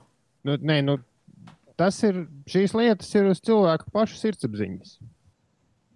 Vēlēs šmaucies, šmaucies. Tik vienkārši. Un atceries, ka jā, būs, būs kaut kāda muļķīša, kur tos noteikumus ievēro. Un tu būsi tas gudrais, kurš nu, tā. Jo nu, tas ir, tā ir tīra sirdsapziņas lieta šajā gadā. Šoreiz mums ir nav policijas, ka valsts, un kas tur vēl, un, jā, un arī par tām aizsardzības. Aizsardzības tas termins īstenībā ir ļoti interesants. Ja to pēta, tur ir rakstīts, man liekas, ka mm, bakalaura darbs un ko tik vēl ne. Brīnišķīgi. Jo tur tā īsti likumā no, noteikts nav, kas ir tā mājas. Sākumā bija tā, ka tur kopīgs budžets. Jā. Vēlreiz sveiciens visiem, kas mūs klausās vecajā labajā FM tieši šobrīd. Viktors ir viens no viņiem. Viņš ir sācis mūsu kopējo kopceļu no Tukuma uz Valmieru, kas diezgan regulāri notiek. Viktor, prieks, ka tu esi šorīt kopā ar mums. Un ļoti īpaši izziņa ir pienākusi no Uldas sievas. Viņa raksta, labrīt, mans Ā, Ko? Ne jau tavas. Ne jau L- tavas. Labrīt, mans vīrs, jums saglabāts kā Somijas uldis. Ik rītu klausās jūsu radio un bieži man ir nodevis caur jums jaukus vēlējumus. Tādēļ nu ir pienākusi mana kārta. Uldi, lai tev pavisam forša darba diena, un mēs ar dēliņu jau ļoti ilgojamies. Gaidām mājās. Bet tas ir forši jūsu ģimenei. Tas ir, man liekas, satriecoši. Uldis ir tas piemērs, tas foršais un labais piemērs, ka arī strādājot ārpus Latvijas, viņš var turpināt savu darbu, un viņš var arī atgriezties pie jums atpakaļ. Un principā viņš to ir darījis cauri visai pandēmijai. Tā kā, tā kā mm, Uldis, kā klausītājs, Uldis jau mums dod cerību, ka gaisma tuneļa galā tomēr ir. Ingūns ir, Ir, Ingvars ir atminējis, cik cilvēkiem bija šodien autobusā sejas maska. Zaptīnī saka, ka viņš arī neatteiktos no lielo muļķu sejas maskas. Zaptīnī par to mēs vēl parunāsim. Un uh, Iveta no ērgļiem ir dusmīga, ka dažu muļķu dēļ mums vēlāk var būt vēl lielāki ierobežojumi. Es iesaku ievērot noteikumus. Es ievēroju, Iveta, bet es vēroju, kā ievēro pārējie. Un, nu, tur man, ja, ja pēkšņi izsprūk, kas sakāms, nu tad izsprūk, piedod, at- atvaino, šis ir tomēr dzīves rādio. Nu, bet ko, tieši tu, ko tieši tu vari izdarīt lietas labā? Vērojot, ko citi neievēro. Nē, nu tad jau vispār šī rīta pārēdē jāmet miersines. Jo Mēs jau tikai par saviem vērojumiem šeit runājam. Ir 13 minūtes pārpusdienas, 7. Pozitīvāk, draugi, lūdzu. Ka, kaut kāds lietas mākslinieks ir parādījies virs studijas. Jā, ziņās teica, ka, ka laiks būs stipri citādāks nekā mēs stāstījām pirms stundas. Velk uz kašķi un dun! Jā, beig, beig, beidzam pukoties, ceļamies augšā. Labrīt! Te Lauris Reiniks! Celies augšā! Jā, un. Um, Es ļoti ceru, ka mūsu klausītāji lielos vilcienos ir tie, kur brauc ar maskām sabiedriskajā transportā un noteikumus ievēro. Mūsu Rīga Latvijā! Ir 4. un 11. jūnijas cēlies augšā un neaizmirst šodien aizsūtīt vārdu svētku izziņu Mairim, Ingum un Vidvudam. Un no visiem ingiem šī, šai rīta pārraidē laikam vissvarīgākais ingus ir Ulbrālis. Jā, Ingus Ziediņš. sveicieni. Labrīt! Jā, daudz laimes. Viņš šobrīd ir Siguldā. Droši vien gan jau ka guļ. Mā, nekas tev mamma viņam podkāstu uzliks pēc tam. Vai māsa? Dzirdēji, dzirdēji! Komponistei Indrai Rišai šodien ir dzimšanas diena. Daudz laimes Latvijas hokeistam Georgijam Pujacam, viņam svētki. Hugh Lorijs, doktoris māja. Nu, hauss, vai ne? Jā, Tas ir māja. ja, svin dzimšanas diena. O, paldies, Ulu, ka ielika, ielika ka Stevenam Drozdam no man tuvas, tuvā ansambļa Flaming Lips šodien dzimšanas diena. Tas jauki. Amerikāņu aktierim šajā lebafam daudz laimes. Frankam Bērdam, kur šis spēlēja amerikāņu bundziniekam un dziesminiekam. zīzīt topā. Zīzīt topā, jā, vienīgais bez bārdas, tā laikam bija. Jā, tagad gan viņam esot blāti. Pīters Dinklīčs no uh, Game of Thrones, no troņu spēlēm viņa dzimšanas dienu. No grupas Kosmos Juris Lisenko viņa dzimšanas dienu. Un Olivijai Kairovai, ar kuru mēs te kādu laiciņu sadarbojāmies, man šķiet, ka viņa vienu brīdi arī, tad, kad uh, mums uh, vēl pirms Ineses laikā viņa mēdz ziņas lasīt šajā rīta pārējā. Viņa bija no rīta mums, jā. kaut kad. Nedaudz, bet ar Oliviju šo to pirms darījuši. Ineses laikā. Olivija man mēdz aizvietot. Tu baigi aizņemt tā bija. Ja? Tad, kad man bija atvaļinājums. Jā, jā, viss labi, viss labi. Olivija, daudz laimes dzimšanas dienā, lai viss pa pirmo.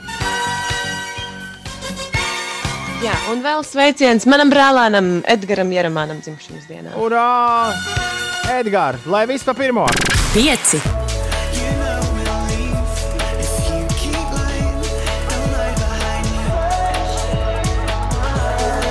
Var šķist bišku pa saldu. Nu, vīru vidū ir tāds termins pa meitenīgu. Bet nevar nenovērtēt laika,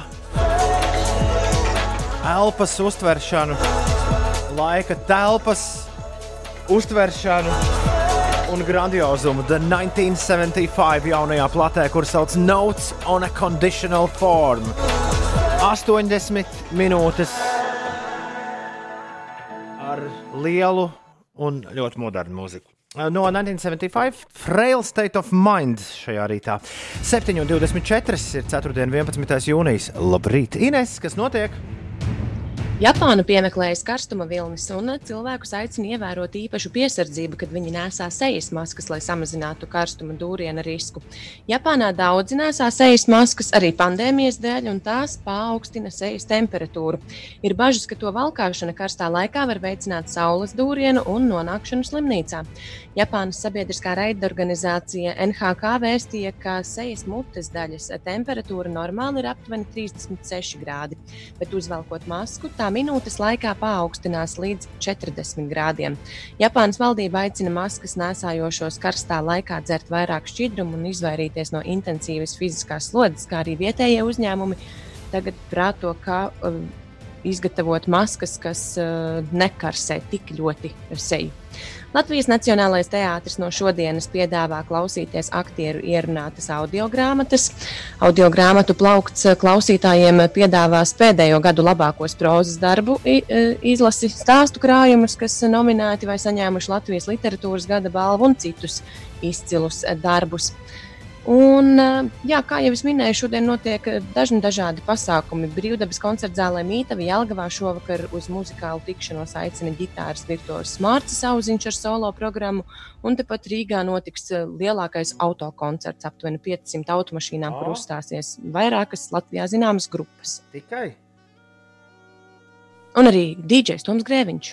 Uh, sveicieni Busulim tieši gar tālsiem braucu, raksta Jānis. Zintars Čīčs arī mācījās tālsos. Viņi diez ir draugi. Tas ir labs jautājums. Rudolfs Minks arī mācījās tālsos.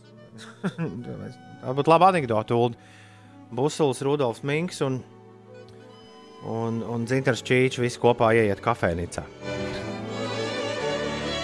Kas tālāk, kas tālāk notiek, to gan es nezinu. To varbūt kāds no jums atradīs, jo ir pienākusi lielā sasaukšanās 293, 120, 293, 120, kā katru ceturtdienu. Arī tie, kas parasti neraksta īsiņas, tagad raksta īsiņas. Raksta, kas uz sirds, raksta, kas uz šķīvi brokastīs, kas redzams uz ceļa, nu, jā, no auto. Aiziet! Labrīt, es braucu ar māmu uz darbu un klausos jūsu radio, raksta Anna. Kad mēs to darām, tad mums ir tāda tradīcija, ka tikko kā iekāpjam mašīnā, uzreiz ieslēdzam radio pieci. Paldies, Anna! Līva raksta, labrīt, turamies! Pečus startē uz mājām, ne, no mājām uz darbu. Jā, neko nekavē. Ļoti labi, Peču. Krišjāns saka, labrīt! Felicita vēl guļ, un Elvito raksta, vēlējos pajautāt, vai kādam nav ieteikumu par kādu foršu vietu, kur aiziet pusdienās šodien? Nu, parkā vajag ēst pusdienas kādā, ja pilsētā. Jā, papīrs, lai iedod līdzi. Mm, tagad, laikam, obligāti, nevis laikam, bet eh, šito es pamanīju noteikumos. Visiem ir jā, obligāti. Ja tu dod ēst, tev ir obligāti jābūt iespējai, ka tu dod cilvēkiem līdzēst. Kā- Jā, Jā, Ā, obligāti. Cik arī saka, Tā. labrīt, šī nedēļa liekas elīgi gara un vēl bez šīs dienas ir atlicis vēl divas dienas strādāt. Izturība visiem, kam arī sestdien jāstrādā un jauku dienu viņa novēl. Jā, tā ceturtdiena tiem sestdienas strādātājiem šodien ir tāda, tāda kāda ir. Guntis ir pamodies, viņam nedaudz smacīgi. Bet ārā, nevis iekšā. Tas labi. Labrīt, labrīt, Guntī! Jā, Liena saka, labrīt. Šodien būs pirmā tikšanās ar klientu klā- klātienē. Šķiet, jau aizmi- aizmirsies, kā tas notiek. Vai forši? Inārs brauc uz pastēku kā katru dienu. Nu, galīgi negribu šo sestdienu strādāt. Un, uh, un Raivis laikam raksta, atkal ceļā uz Viņu. Šoreiz bez desmaizēm, bet ar līgavu sabīni. Jauku dienu visiem! Jej! Lainē šorīt sagadījies agri piecelties. Viņa raksta, šorīt augšā jau 5.40. Kad beidzot var gulēt, tad miegs nenāk. Tā ir laime. Jauku dienu visiem! Odiņš ir modies, labrīt, lieliski sajūta pēdējās darba dienas, un tad divas nedēļas atvaļinājums. Un Una cenšas pamosties, bet kaķis cenšas viņu nokost. Beigās uzrakst, un kurš no jums uzvarēs? Tu vai kaķis? Edgars Siguldā Jā. ripo uz Bausku, kur mīt paši Jā. labākie Bavārijas autospečuki. Jāizved bērītis uz apkopu. Lai veicas! Lai veicas! Vadeks tikko restartējis telefonu. Malacis! Malacis! Čiriks saka, labrīt, trīs darba dienas vēl, un tad atvaļinājums līdz mēneša beigām, jo svētki kompensējas uz priekšu, lai visiem forša šī siltā diena. Nils ir pēkšņi pamodies. Pirmā dzirdēšana par sestdienu. Kas notiek? Nu kā, lai Jāņos mums būtu daudz brīvdienas, Nils, sestdiena ir jāstrādā. Sestdiena ir oficiālā darba diena. Un tad, kā sāksies, kā pienāks 21. jūnijas, sestdiena. Tā, ne, 20. jūnijas, atvainojos. Jā. Tā nākamreiz tev darbā kāds grib redzēt tikai 25. jūnijā. Proti, piecas brīvas dienas pēc kārtas. Un tāpēc šo sestdienu Nil ir darba diena.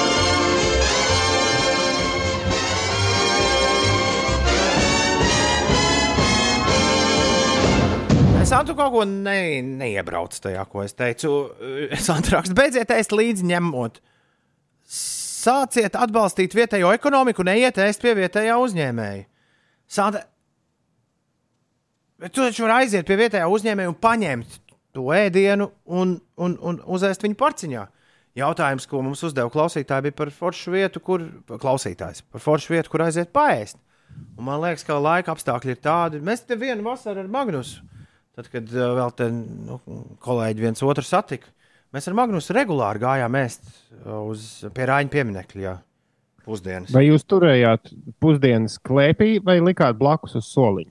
Klēpī. Man, pati, man patīk turēt klēpī. Ah. Mēs Šis vienmēr interesē, kā ir labāk. Man liekas, lielākā tāda uh, vienreiz uh, piecinieku pusdienu pauze tur bija arī, arī Aleksis. Es atceros, un iespējams, ka Marta arī. Jā, lielākā pusdienu pauze vienreiz mums sanāca pie Nacionālās operas. Mums ir tā, šādās ekskluzīvās vietās var uzēst. šajā laikā. Šorīt tāds dīvaini pelēks ārā. Ne pavisam nevelk uz darbu raksta rieksts, bet vajag. Saraujam! Maz palicis! Aldis jau atkal ir ceļā uz liepāju, un pēc 40 minūtēm būs galā. Juhu!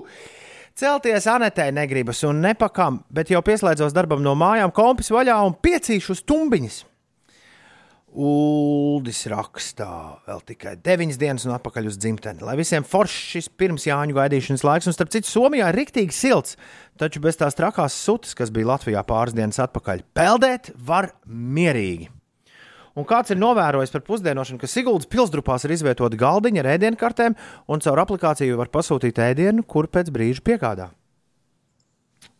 Nu, kā tur bija?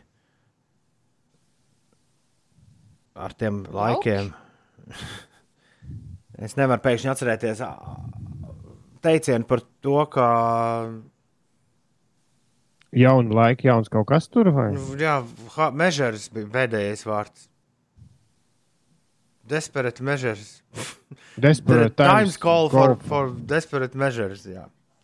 Bet tas jau modīgi ar, aplikācijām. Var, Pirms, dažā, pirms dažām nedēļām mēs runājām par to, ka gastrotirgus Rīgā ir beidzies. Čau, viss cauri tur. Centrāla tirgu vairs nevar iet, uh, sāēsties. Bet ir jauns gastrotirgus radies. Es vakar biju ar, es vakar ar Grēviņu kundzi bijām aizstaigājuši līdz Tallinas kvartālam. Tas ir gastrotirgus, kas tur notiek. Tur ir reāli vienā angārā skaisti. Man liekas, kādas uh, septiņas, astoņas vietiņas, kurās katrā tiek kas cits cepināts, un par kuru katru atbild kāds cits, uh, kāds cits pavārs. Tā kā Tur vienīgi dikti daudz cilvēku saskrēja pagājušajā nedēļā. Pirmajā siltajā vakarā. Jā, bet darbdienas vakarā mēs neredzējām nekādus pār, pārkāpumus. Nu, Forši. ļaudis ļoti, ļoti fēni sēdēja. Tas arī Galdiņi ir tāpat kā pagājušajā gadā. Tur vidū tikpat daudz, vai ir kaut kas klāts? Ir rīktīgi daudz. Ir gan iekšā, angārā, gan ārā. Ir rīktīgi forši. Mūsu mazā Kopenhāgena, kā es viņu saucu, ir, uh, ir tikpat forša, kāda tā bija pagājušā vasarā. Tur ir viens foršs grafitī. Ja nāk iekšā no brīvības ielas puses, par tādu ieeju es nemaz nezināju. Nu, no, no palīdzības ielas tas sanāk. Nu, tā kā tu nāc no brīvības ielas, no centra puses, tad pagriezies tajā mazajā ieliņā, kas tur tāda, tādas, nu, tāda pavisam maza ieliņa.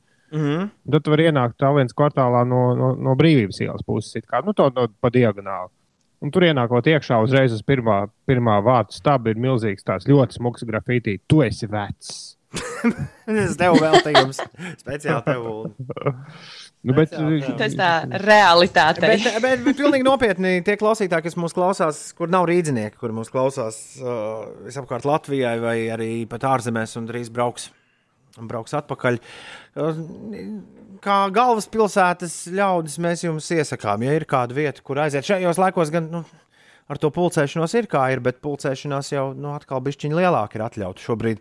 Bet, uh, ja ir kāda, ja ir kāda vieta, kur kur tā kā vajadzētu aiziet, tad ā, ļoti iespējams, ka Tallinas kvartāls ir tieši tā vieta, kur noķert to, kā pilsēta jūtas tieši 2020. gadā, nevis, piemēram, desmit gadus atpakaļ. Pateicis hip, hop, pateicis hip. Gustavs, tagad ar starūls mirus. Un Čižiks, kurš laikam atkal ir Čižiks. Kur ir mana galodiņa? Kas Čižiks vienu brīdi bija? Jurkstu laistus. Jurkstu laistus. Jā. Un Kur tu laistus? Es uz jurkstu laistus. Tā, jā. Braucot uz Rīgā, gadījās mīksts riepa, gaidām ceļa malā, kamēr šoferīts uzbūrs riepu braucamā stāvoklī. Lai citiem veicas šorīt labāk, arī jums, lai diena bez ķibelēm. Mīļš, paldies, Anželika! Paldies, noderēs. Jā. Labrīt visiem no jaukās ieviņas. Ieviņai šodien solās būt darbīga diena. Jauku jums arī dieniņu. Nu, paldies, paldies! Labrīt, ja ņemiet ēst līdzi, tad savos traukos, jo tas plasmas patēriņš, kas papildus radies Covid dēļ, ir baisāks par pašu Covid. Jā, bet ir, Arī jaun, taisnība. ir, ir jaunas profesijas radušās. Jo, piemēram, lielveikalā es redzēju, bija čalis, kurš tagad ir būciņu saņotājs. Viņš stāv pie milzīga lamināta. Nu, la, nu, labi, tā laikam nav laminēšana, bet viņš stāv pie tāda liela maisiņu taisītāja aparāta un katru būciņu saņo maisiņā. Nu, plas- plasmasas daudz, bet cilvēkam ir darbs toties. Visiem nav sestdiena darba diena, raksta Mūris. Darba diena ir valsts iestādēs. Privātie uzņēmumi paši izvēlas, kā organizēt darba laiku. Mums nevienu gadu netiek nekas pārcelts, un labi, ka tā. Es nevaru iedomāties strādāt sestdienā, raksta Mūris. Nu, Forši galvenais, lai tev 22. nav jāstrādā mūri.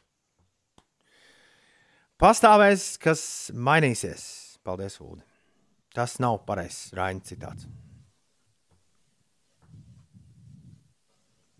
Mēs par šo Jā. esam Jā, ņēmu- un esam ko par šo- vēlējies pateikt? To, ka vienmēr šo Raina citātu visi saka nepareizi. Jo pareizi ir pastāvēs, kas pārvērtīsies. Jau divas reizes peldējos, ūdens ir foršs jau, un labrīt, tā raksta Lisais. Malacis, es vēl neesmu atsāku, atklājusi peldēšanas sezonu. Bet, kā mēs vakardien noskaidrojām, jūrā ūdens nemaz nav tādā komforta temperatūrā, lai būtu patīkami tur peldēties. Latvijas Sintīna lūdz mums pasveicināt visforšāko Ingusu vārdu dienā. Lielas paldies! Viņš noteikti jūs klausās. Ja vai tad ir Ingus? Kā, kā, kā loka tev brāli, Ulu? Nē, Ingus, Ingus ar diviem es ir, ir Latvijā ir 200 20, 217 cilvēkam ir ar diviem S. Bet viņi nesvin šodien vārdienu. Nē, viņiem nav šodien vārdiena. Aha. Viņiem vispār nav kalendārā vārdiena. Bet droši vien, ka var svinēt. Bet Ingus, mans brālis, ir ar vienu es. Tātad viņš ir Ingum. Nevis Ingusam. Jā. Tas ir tas pats, kas zemgus, vai zemgusam, vai zemgum, vai mikus, vai mikusam, vai medus un medusam. Ieraksti, ledus. No, nospēr no Kristīnas šito un ieraksti Twitterī. Pastāvēs, kam nav kur apsēsties. Vai tas ir vecs joks? Tas, Tas ir jā. sabiedriskajā. tra- Tas dzīvē Transportā, pārbaudīts arī. Nu, ja. Jā, pastāvēs tas, kam nebūs vietas. Knaps Reinis raksta, ka radio ir vislabākā pārcelto brīvdienu politika. Nestrādāt nevienā, ne otrā dienā.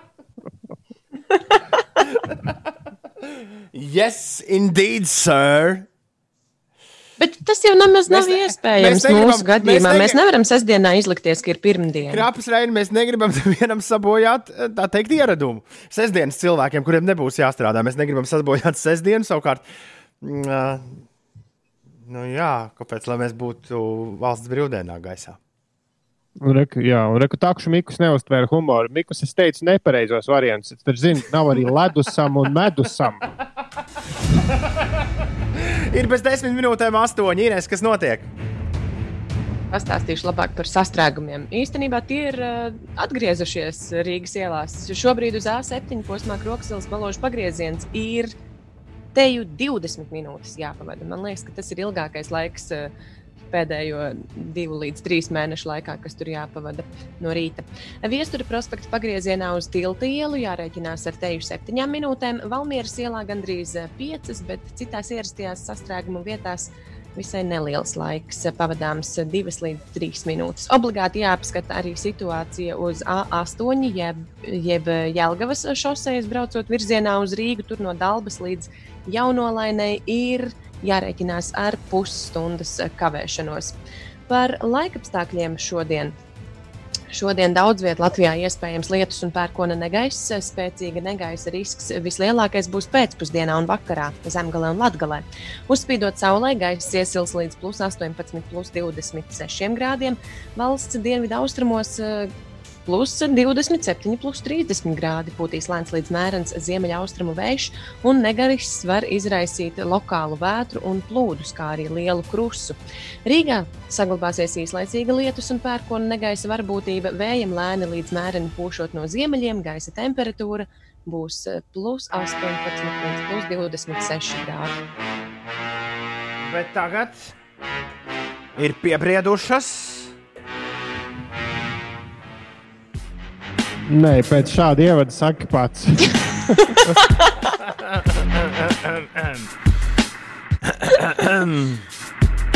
Tra-ta-ta-tam. Nu, varbūt tomēr pateiks, ne? Toma Bikses. Jo kā dziesmām, Vēlreiz, Ines, lūdzu, saka, ko tu gribēji teikt. jo kā tas pilnas ar dziesmām, nu, tur Ar ar di- diski un fleši un viss kaut kas tāds. Tieši stāv. tā. Ir laiks. Ir beidzot, es esmu sagaidījis to dienu, kad Toms Bigsēs spēlēt kaut ko pavisam, pavisam jaunu. Es vakar jau, man šķiet, par šo bļaustījos. Un Un, un man šķiet, ka šonadēļ es esmu jau vairākas reizes bļaustījies par to, ka mums ir uh, klasisks hip hop albums, kurš ir iznācis šajā laikā. Un mēs nereiz Tomu Biksēs neesam uh, aizskāruši divus vīrus, LP un Killer Mike. LP ir vienkārši krūts hip hop producents. Killer Mike no, nāk no tās ģimenes, kuras uh, pazīstamākais, pazīstamākais kolektīvs ir Outcast. Tā tad no Atlantijas tusiņa. Abi divi kopā viņi ir Randa Jewels, un šis projekts jau kopš 2013. gada. Visiem tiem, kuriem komerciāls hip hops tā kā, a, a, a, a, a, ir tā kā, ir tā kā svaigs, govs tikko slaukts piens agrā rītā. Tādā lauku pancijā, jā. Randa Jewels pirms nedēļas ir laiduši klajā savu jauno skaņu platu. To sauc RTJ4. Tajā bez pašiem Randa Jewels, bez LP un Killer Mike ir dzirdama vesela plējāde ar ļoti, ļoti, ļoti slaveniem un svarīgiem viesiem. Two Chains, DJs premjeras, Farrells Williams, pat Mavis Staple, no Queens of the Stone Age, Josh Home, no Rage Against the Machine, Zaks Dela Rocha. Mēs spēlējam piecēlā vētrā daudz un dikti, ulala! Un beidzot, Amerikas onkulis man ir atsūtījis šī diska visu versiju bez ļauniem vārdiņiem, kurus nedrīkst par radio raidīt. Un es vēlos Ulu nospēlēt šī albuma finālu. Episka skaņu plate ar episku finālu. Randa Jewels, a few words for the firing squad. Un, ja tu zini, kas šobrīd notiek Amerikā, ieklausies īpaši. I woke up early once again, it's four days straight. I didn't wake you, baby, I just watched you lay in the radiation of the city sun. I am in love with you, it is my only grace. You know how everything can seem a little out of place. All of my life, it seemed to be the only normal state. So being a normal never really meant me being insane. Being clear about the truth of being sane, I've never really been the same. Black Lives Matter. Beidzot, normāls hip hops ar svaigu skanējumu raksta Rahards, nevis mūrminātāja paudze. Labs! Episkais RTJ4 fināls, Ronda Jewels šorīt Tom Biksēs. This is the story of a couple of small time A hustlers. few words for the firing squad. Radiation. Pieci. Uzgriez. Un ir. Labrīt! Labrīt, labrīt! Šeit pieci rītī ir 5 pār 8. Ir 4. 11. jūlijas. Jēj, jēj, jēj! Uh, Inês vakar bija pie zobārsta. Jā. Un bija tāda interesanta situācija. Uh, pirms zobārsta apmeklējuma es aizgāju uz uh, to vietu, kur mīt mans zobārsts, apsēdos. Uh, Kur zobārsti Lai- mīt? Jā. Kur Apsēdos, lai gaidītu savu, savu kārtu, un es uh, iegrimu telefonā. Uh, skatījos tur visādas bildītas un visu kaut ko, un, un iet garām kāds uh, vīrietis, un, un viņš saka, tu esi Inese. Un es domāju, laikam, man zobārsts jau mani sauc, un es paceļu acis un skatos, ka nē, tas cilvēks neizskatās pēc mana zobārsta. Izrādās, tas bija kāds mūsu klausītājs, kurš mani atpazina pie zobārsta. Mm. Jā, sveiciens šim klausītājam.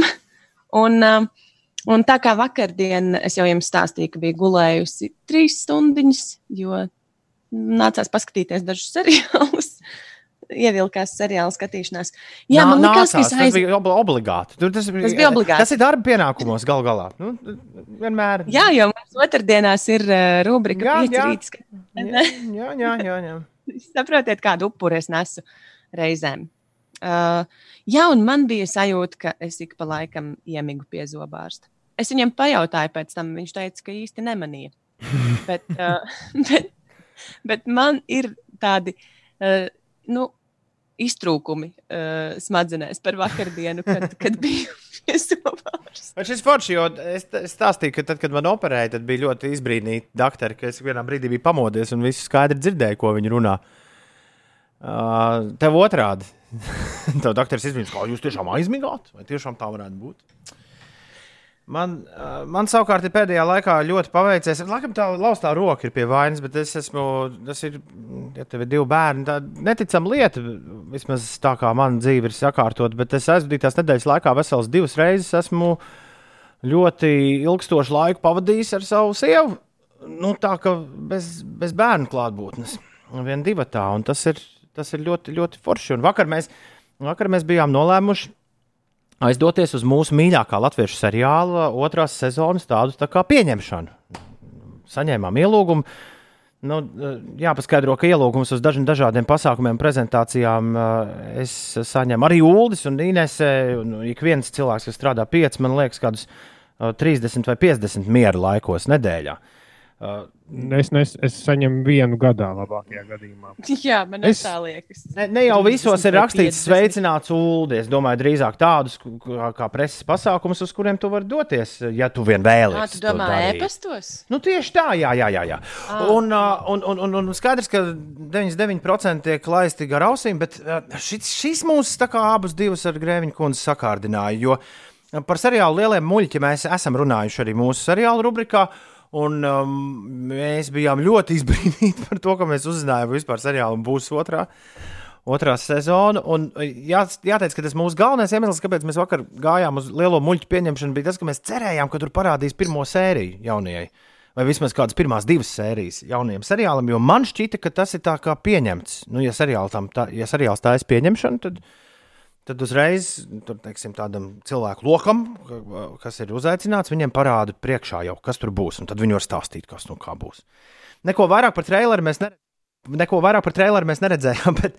Bet viss tā ņemšanās, kas vakar notika Lielo muļķu otrās sezonas pieteikumā, gan bija brīnišķīga. Un man lika aizdomāties, ka mēs vienā dienā ieraudzīsim lielo muļķu teātris izrādi. Jo tas bija tieši tas, ko mēs vakar redzējām. Visi personāļi, kas darbojas lielajos muļķos, uh, bija, uh, bija iejutušies savos tēlos un tā arī uzvedās. Un viens ar otru ņēmās. Un, uh, Fantastiski. To redzēt dzīvē, ir. To redzēt pa televizoru ir viens. Nospēlēt kameras priekšā tas arī ir viens. Nu, tāpēc, ka pēc tam tu vari rīktīgi, vai ne, piemēram, izņirkties. Nu, tad, kad kameras izslēgtas. -hmm. Bet dzīvē to darīt ir kaut kas, kaut kas pavisam, pavisam cits. Un kā man teica viens no seriāla veidotājiem, tāpēc Tom tas ir, kad es viņam to teicu, viņš teica, bet Tom, tāpēc viņi, viņi jau spēlē paši sevi, saproti. Rekurs suns ir aprakts. Jebkurā gadījumā lielajos muļķos otrajā sezonā Ines un Ulu ir pavērsiens. Parādās seriālā mazie muļķi. Un mazo muļķu mērs ir Andris Friedenfelds. Mazo muļķu mēra meita ir Beta Beidz. Un tad ir divas influenceris, uh, par kurām jūs, iespējams, un YouTuberis, par kurām jūs, iespējams, neko nesat dzirdējuši, kuras arī pārstāvēs mazos muļķus. Viena no viņām, starp citu, ir. Uh, Ir, ir, ir, ir, ir, ir uh, krievi, krievi, satura krieviski radītāji. Janna Bruka. Tvoj Lučī drug. Viņai ir 85, 85 tūkstoši viņ... sakotāji Instagramā. Uh, Un otra, Respektīvi, viņi ir uztaisījuši tieši to, ko es vakar ierosināju darīt Singapūras satīnam, ka vajag vīriešu komandai vajag pretī tieši tādu pašu sieviešu komandu. Nu, klausies, jā. Un, un tad vēl mazajos muļķos ir Elīna Pakalne. Uh, Ines, tagad tev jāsaka, kas tā tāda? Kas tā tāda? Jā, nu, Instagramā viņai viena nieka 19,000 sekotāju. Toties YouTube, YouTube viņas kanālu kopā ar māsu ir abonējuši 58,000, un viņai ir TikTokā pusotras miljonas sekotāju. Pusotras miljonas sekotāju. Viņa ir viena no komandas Latvijas sisters. Nu, lūk, un, ah. un, un, un, un vienmēr sakot, lielo muļķu smagsvaram tiek pretī likts mazo muļķu smagsvars. Un uh, tā sanāk tā, ka tagad ir Gobziņa komanda un ir Fredenfelda komanda. Un tad viņi vakar tur tā jauki ņēmās. Un, lai arī jā, mēs bijām gājuši izpētīt, kas, kas nu būs, beigās izrādījās, ka ļoti daudzi, ļoti daudzi muļķu dalībnieki vēlējās tieši ar mums aprunāties, un ar, ar Beitu Foršu parunāju. Un, uh, Lielo muļķu viens no, viens no aktieriem ir arī Džeks, kurš ir gaisā vai aizā, kā liktenīgais darbojies. Viņš man apvaicājās, kāpēc mēs viņu jauno singlu neesam apskatījuši par, par uh, jā, labu esam. Nu, Es tā, tā stostījos, kā parasti šajās situācijās. Sapazinos arī ar vīriem, kas visu to lielo muļķu universu ir izdomājuši. Un es domāju, ka 24. uh, jūnijā būs klāta lielo muļķu otrā sezona. Un es domāju, ka kaut kad īsi pēc tam mēs noteikti arī tieši ar viņiem varētu aprunāties. Jo tas ir ļoti, uh, dažos vārdos es jau dzirdēju, ka tas stāsts par to, kā vispār līdz lielajiem muļķiem viņi ir tikuši, tas ir ļoti, ļoti interesants.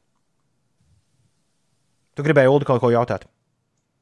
Mm, īsti nē, nē. Pajautāsim labāk viņiem pašiem.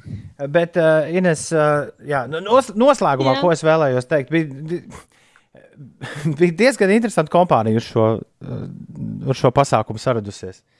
Tie pat nav, kā teica Grēņķis, tie pat nebija influenceri. Bet pilnīgi visi youtuberi, kurus jūs varat iedomāties, ja jūs nosaukt kaut vienu no viņiem, visi, vi- visi viņi bija ieradušies. Un tagad, Es nevaru nosaukt nevienu YouTuberi. ej, nu, ej, Edgars Fresh, tu ļoti labi zini. Tāpat arī par Evelīnu un Laura, Laurlācu tu kaut ko esi dzirdējusi. Un sudraba kāja, kur bija gaisā vai aizā, arī viņi bija tur. Visi, visi tur bija. Filipa Gabriels bija, Bija, bija Lauris Zelāns bija, bija, bija, un, Mūvija Evelīna bija. Visi, es, saku, pāris. es, vēlreiz saku, visi bija. Nu, par šiem cilvēkiem es esmu dzirdējusi, ka viņi ir influenceri, bet kurās platformās tieši Viņi ir darbojās, youtuberi, precīzāk, YouTube, tad YouTube, YouTuberi. Jā, Tur tomēr ir Ja, liela atšķirība. tad Influenceris princi- un Principā ieradušies bija seriāla aktieri, youtuberi un grēviņu pāris. Apmēram tā izskatījās šie apmeklētāji. Un, un tagad pats, pats, labā, pats labākais, par ko mēs ļoti sasmējāmies, ka dzeltenās preses fotografi, kuri arī bija ieradušies, viņi- viņiem, diemžēl, nav īsti līdz galam zinām. Tāpat kā Inesē, visi šie YouTube cilvēki. Līdz ar to viņiem, viņiem bija diezgan grūts uzdevums saprast, kas te ir jāfotografē un kas nav jāfotografē. Un tas šķita visai, visai amizanti. Nu, tā, Jā, tāds es- tāds es mirklis, kad šobrīd vecā špiku- pasaule, kad vecā pasaule satiek jauno pasauli. Es šobrīd spīkoju no Laurlāča Instagram storija. Vienkārši tur viņi salikusi ar visiem vārdiņiem. Bet Ines īstenībā, nu, īstenībā ir tā, ka uh, uz vakardienas prezentāciju bija aicināti tie youtuberi, kas ir influenceri. Jo, ja viņi nebūtu influenceri, viņus diez vai aicinātu. Respektīvi, uh, lielā, ne visi youtuberi ir influenceri, bet tad, kad viņi kaut ko stāsta vai iet uz kaut kādu pasākumu, vai, vai, vai, vai stāsta par kaut kādu preces produktu, tad viņi ir influenceri. Nu, Influenceris var būt jebkurš, tev nav kaut kādā konkrētā tīklā jābūt, lai būtu influencerim. Es ceru, ka tie, kas uh, man pazīst, sadzird arī nelielo ironiju tajā visā. Jā. Tā tad uh, vakardien cilvēki bija, tur nebija tikai influenceri, bet vakar tur esot, viņi bija influenceri. Uh, sveiciens jums no Ines un Ulu no Sushi Takeout, kurš vakar nepamodās Singapūras satīna intervijā. Viņš bija pamodies uz loģiski lielo muļķu pasākumu. Bet viņam arī divi mazi puikas mājās, tā kā viņam ir attaisnojums. Ja komplimenti viņam no manis par tēlojumu lielajos muļķos. Man ļoti patika pirmā sezona. Jā, man arī īstenībā viņš, uh, es zinu, ka Bāliņš šobrīd klausās un pēc tam metīs man ar gurķi, bet man arī īstenībā patīk galvenās lomas atveidotājs. Ne, jo, jo Rainītis ir, nu, nu, kā jau smieklīgais tēls. Nu, tur ir tādu vajag, bet, bet man galvenās lomas atveidotājs arī patīk. Nu, kā, kā tēls šķiet ļoti forši uztaisīts un tas humors ir tāds. Es varu derēt, ka otrās sezonas trailers ir pieejams šobrīd visur pēc vakardienas. Un tur jūs varat iemest aci uz pusotru minūti, kas ir sagaidāms. Lielajos muļķos es Betai prasīju, kad, pa kuru laiku viņi šo ir filmējuši, un Beta teica, mēs pabeidzām pirms trīs dienām. Nu, tā kā tagad droši vien komandai līdz Jāņiem ir skaistais montāžas laiks. Tāpēc arī droši vien to pirmo sēriju nevarēja parādīt. Oho! Ir 16 minūtes pār astoņiem. Labrīt! Ir ceturtdiena jau klāta. Jā, nav jau slikti. Tā kā nav līdz galam skaidrs, vai šī ir ceturtdiena, kur drīzāk ir trešdiena, vai tomēr ceturtdiena, ceturtdiena. Mūsu Rīga Latvijā! Kā ir pēc sajūtām, Uldi? Man ir ceturtdiena. Pieļauju, ka Inesai arī. Jā. Bet neaizmirstiet, ka, ja, ja sestdiena kāds jums tomēr liks kaut ko padarīt darba labā, nu, tā kā līdz galam pateikt, nu, pagaidi, pagaidi, pag, ir sestdiena un es atpūšos. Tā arī īsti nevarēs. Par spīti tam, ka radio darbosies sestdienas režīmā. Today very lucky. Yes, yes. Congratulations me! Yay! Sestdien būs īpaši, sestdienas rīts būs īpaši Latvijā. Ir 17 minūtes pāri astoņiem, ir 4. 11. jūnijas. Vasara, draugi, mīļie, ir sākusies. Mairim, Ingūam un Vidvudam ir vārdu svētki. Komponistei Indrai Rišai ir dzimšanas diena, daudz laimes. Latvijas hokeistam Georgijam Pujacam ir dzimšanas diena, angļu aktierim un komiķim Hugh Lorijam daudz laimes. Stevenam Drozdam no The Flaming Lips ir dzimšanas diena, amerikāņu aktieris Šijā Lebūfs, jeb Šijā Lebafs, kā te rakstīts man scenārijā svin dzimšanas dienu. No Zīzija top Frankam Bērdam dzimšanas dienu, Pīters Dinklīčs no troņu spēlēm svin dzimšanas dienu, Kosmos uh, dziedātājs Juris Lisenko. uh, Svin dzimšanas dienu, un uh, reiz viņi bija ar mums. Tagad citus dzīves ceļus staigā. Bet ik pa laikam Instagramā veros viņas vaigā. Olivijai Kairovai šodien dzimšanas diena. Daudz laimes, Olivija! Lai tev šodien Un daudz, daudz, daudz, daudz olīvas. dzimšanas dienā. Daudz laimes Ines brālēnam dzimšanas dienā. Edgaram Jeremanam, jā. Grūti izdomāt, ja Olivijai olīvas, ko Edgars mums piesolīt svētkos. Augstu laimu un prieku vienkārši mēs tev no sirds vēlējam. Tu klausies 5 LV.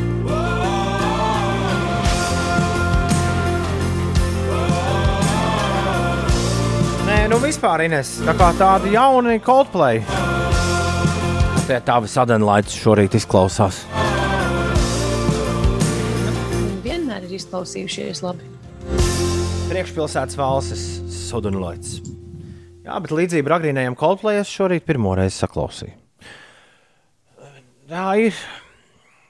Mūža dzīvo, mūža klausies. 8,31 minūte ir pareizais laiks. Padomnieks ir pārdevis auto un atkal ar kājām uz darbu iet. Rīga ir skaista, viņš mums raksta. Ejiet ar kājām vai brauciet ar ričuku visur. Es pēdējā, pēdējās dienas te staigāju vairāk nekā jebkad agrāk, un jāatzīst, ka lielā garā staigāšana, eh, ar ko Ulas te nodarbojas regulāri, ļoti pievelk un ievelk. Nu, ja tu tā kā ej, un citreiz gribas kaut ko paklausīties, citreiz atkal saproti, ka pēkšņi galva neņem pretī to klausāmo, un tad noņem austiņas, un tad vienkārši. Mm, tieši Tagad, Tom, bet visā šajā nu, notikumu gūzmā es esmu palaidusi garām to, vai tu esi jau tiešām gājis ar kājām uz mājām no darba vai nē. Rīktīgi daudz pasties Endomondo. Man liekas, mēs esam draugi. Tu tur vari redzēt manus kājām gājienus. Ah, Tā tad esi. Es regulāri eju. Jā. Pirmdien 6 Bet km, no otrdien 4,5 tāpēc, ka es biju pie doktora pa vidu. Trešdien Mhm. 6. Man sanāk 6 km apmēram no vecrīgas līdz mājām. Gan drīz pat, nevis gan drīz, bet absolūti precīzi. Hmm. Nav tik traki. Un uh, tiesa, inter interesanti, ka izvēloties Valdemāru ielu kā galveno trajektoriju, es esmu nogājis to 55 minūtēs pirmdien, bet vakar izvēloties Skanstas ielu, kilometri nekļuva vairāk uldi pēc mērījuma. Jā. Bet uh, laiks gan ir stundu 11. Es gan vairākas reizes apstājos, jo man bija tur podkāsts jāieliek Instagram un tā tālāk. Jā, atzīstos, jā. Es nemāku iet uz priekšu un baigi ņemties telefonā. Ja kaut kas rīktīgi ir jāizdara, tad ir bijis jāpiestāj. Un to jau uzreiz tas aparāts fiksē, vai ne? Vai tur var pauzi uzspiest? Ne? Nevar. Var, bet tad tu aizmirsti viņu atspiest atpakaļ. Vā, vā, vā. Nu, jā, jā, jā. Vai tev bija kaut kas autos, tev bija autoservis jās, jāpasveicina, kurā mēs skanam, ja nemaldos? Jā, uh, vai mēs skanam autoservisā, es nezinu, bet puisis, kas pieņēma manu mašīnu, Andis vārdā, gan man, man šķiet, ka pirmo reizi man kāds atpazina pēc balss. Teica, ka es tā klausījos, kaut kur likās, baigi dzirdētā balss. Jā, bet man jau man viss tas autostāsts ir diezgan interesants. Un tikko kaimiņiem atkal izbrauc, un es viņu gribēju, es viņu mēģinu katru rītu satikt, uh, bet Tu viņi brauc ēterā. projām. Jā, viņi brauc projām apmēram bez piecām, astoņos vai piecas pāri. Šodien bija tieši pēc ziņām. Nē, nē, man gadījās, nu, dikti stulbs gadījums. Man ir automātiskie vārti un man iespieda vārtos. Mašīnu. Jā, un es tajā brīdī skatījos spoguļos. Es to, Ah. man liekas, jau stāstīju. Jā. Un es to skatījos, es skatījos spoguļos, uh, lai nenobrautu kādu velospēdistu, kas te pa pērnos Senčīlu daudz kursē, un līdz ar to nepamanīju, ka man sānos, aklajā zonā gandrīz, ir sākuši vērties ciet vārti, jo kaimiņiem tajā brīdī braucot, nu, kaut kādā ielas otrā pusē griežoties riņķī, jau laicīgi nospiež podziņu, lai vārti atvērtos. Nepamanījusi, ka vārti jau ir vaļā un līdz ar to tie vērs ciet. Un man noskrāpēja sānu. Un, nu, nē, labā ziņa ir tā, ka es ai- aizbraucu un man šo te uh, taisīs kasko. Nu, apsveicam. Nu, jā. apdrošināšana. Bet interesantākais, kas tajā visā bija, ka apdrošinātāji dikti gribēja, lai es saucu policiju. Nu, Es saku, bet nu, man taču nebija, nu, nu kā es savā sētā man vienkārši taisot ciet. Viņš saka, jā, jā, bet nu, vajadzētu tomēr policijā šādu gadījumu Nu, reģistrēt. taču viņus, uh, riktīgi, viņiem, viņiem svarīgi, viņiem Man- jāķer tie, kuri bez maskām brauc sabiedriskajā transportā. Nē, nu es saku, man liekas, ka tā ir policista laika tērēšana. Ja man noskrāpēja sānus, manas mājas vārti, kuras kaimiņiem kļūdas dēļ ir aiztaisījusi ciet, vai pat es pats to būtu izdarījis, nu kāda tur policija? Apdrošinātāji dikti. Nē, nu es beigās teicu, ka es, lai, lai piefiksēju, ka es izvēlos nesaukt policiju, man tas liekas stulbi. Bet viņi teica, nē, nē, nu vajadzētu, tomēr vajag šādus gadījumus, vajadzētu reģistrēt arī. Ja mūs kāds policists klausās, atrakstiet, ka tas tiešām būtu bijis muļķīgi, lai man vīrs. Bet, An, jā, un aizdzenot uz servisu, atstājot mašīnu, viss forši un sveicienu Andim, lai viss izdodas. Klausies, uh, kāds, kas ar tevi dzīvo vienā rajonā, esot beigo bļaustīšanos naktī dzirdējis. Tu dzirdēji kaut ko? Nē, Viktors bet es prasa. naktī gulēju. Jā, es naktī gulēju. Es reizēm dzirdu pa brīvības ielu tos trakos močus. kuriem Ar vajag- tiem tu vēl neesi iepazinies. Kas tie tādi ir? Bet vai Nu, tavs mocis arī neizdevš to trako skaņu? Nē. Tie ir tie, kas spiež līdz galam pa brīvības ielu, īpaši naktīs, kad mašīna nav. Ā, Tas tā, lai viss pamostas. Nu, apmēram, jā. Tev nebūs gulēt. Skaidrs. Andī, paldies, ka mūs klausies. Un paldies, ka Uldim labo mašīnu. Astoņi. Jā, un žēl, ka mums, man nav vārti ar sensoriem. Maniem vārtiem tiešām to sensoru nav. Jā, būs jāieliek. 8,36 ir pareizais laiks. Metam gaisā vai grūžam aizā! Ieteikumus sūta rīti at 5.lv. Nē, nesūti. Nu, man netīšām ielikās. Ielikās neīstais jingls šorīt. To tak neviens nepamanā. Jā, nē, nē, dziesmu iesūtīšana rīktīgi beigusies jau sen. Uh, pēc nedēļas beidzas visa, ap, visa aptaujas sezona. Padomā, tik. Un šobrīd, uh, finiša spurtā mums visiem atrodoties, situācija ir nokaitēta līdz Baltkvēlei. Pie, ar piecām uzvarām pozīcijā numur 3. no pazemes, Viesturs. pazemes, Nāku es no pazemes. no dziļas pazemes. Vieste un Cirnanā ar septiņām uzvarām otrā vietā. Un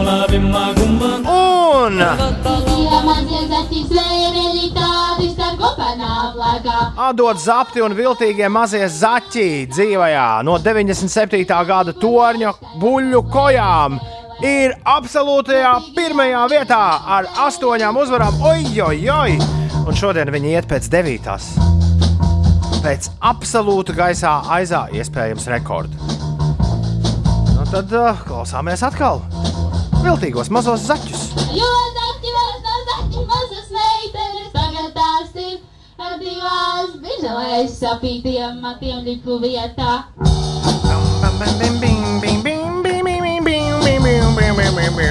Nu, dodam šim devīto uzvaru, vai tomēr, vai tomēr kādam izdosies vēl zaķus līdz lielajam finišam grūst no torņa vai troņa, pilnīgi nav. Vai kaut vai no kojām. Tas ir labs jautājums. Arī būs, kad viss ir pagājis. E-punkts uz Slimsvītra gaisā 20. Joprojām tur redzams visas dziesmas, kuras šajā sezonā esam dzirdējuši. Kādai ir jāatgriežas, kas vēl to nav izdarījusi spurta laikā, arī šorīt.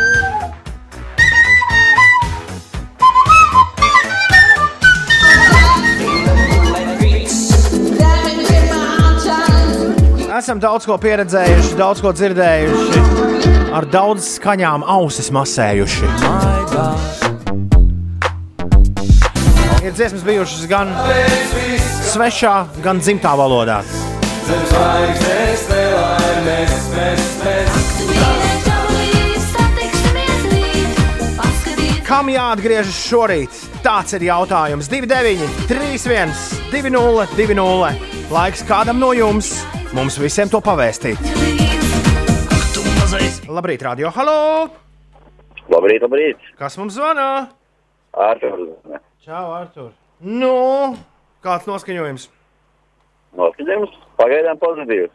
Nu, ļoti labi. Kas tev labāk ar šo hambāgā vai čīzbāgā? Uh, viņš izbāgā, šī izbāgā. Čīzbāgā. Tev labāk patīk, ja pūš pīli vai pūš tā, taurīti? Taurīt. Taurīti. Ļoti labi. Un kur dziesma šodien atgriežas gaisā vai aizā? Domāju, tev par prieku, lai iet Vitas un uh, Elbīlī Jāliši. Un Bīlija Ailiša. Vai? Nu, liels paldies, draugs! Lūdzu. Lai tev forša diena! Čau! Tā tā vai, tiešām.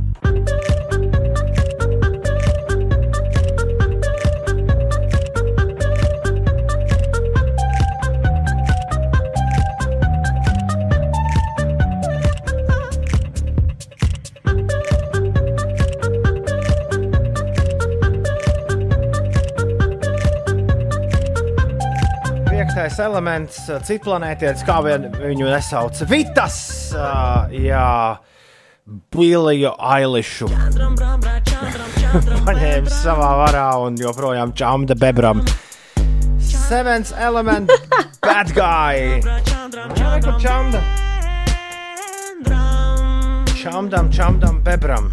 Ulds saka, ka garais spurts pie visi vainīgs. Uh, nu, droši vien jā. Šogad ir ļoti, ļoti garš, nebijis, nebijušs garums spurts. Bet uh, viss nu sanāca tā, ka viltīgie mazie zaķi šorīt, pret kuriem Bilija Ailiša ar Vitas cīnīsies, iet uz absolūtu gaisā vai aizā rekordu. Vēl līdz šim nekad nevienai dziesmai Ines šajā aptaujā nav bijuši deviņi gaisā metieni. Mums ir trīs astoņnieku klubiņš. Jeb trīs dalībnieku astotnieku klubiņā. Un tās, ir, tā ir, tās visas ir absolūtas šitā gaisā vai aizā klasikas. Maija Hofner, Šaibī Davidu, Gunčē, Zaķīša Pirtiņā.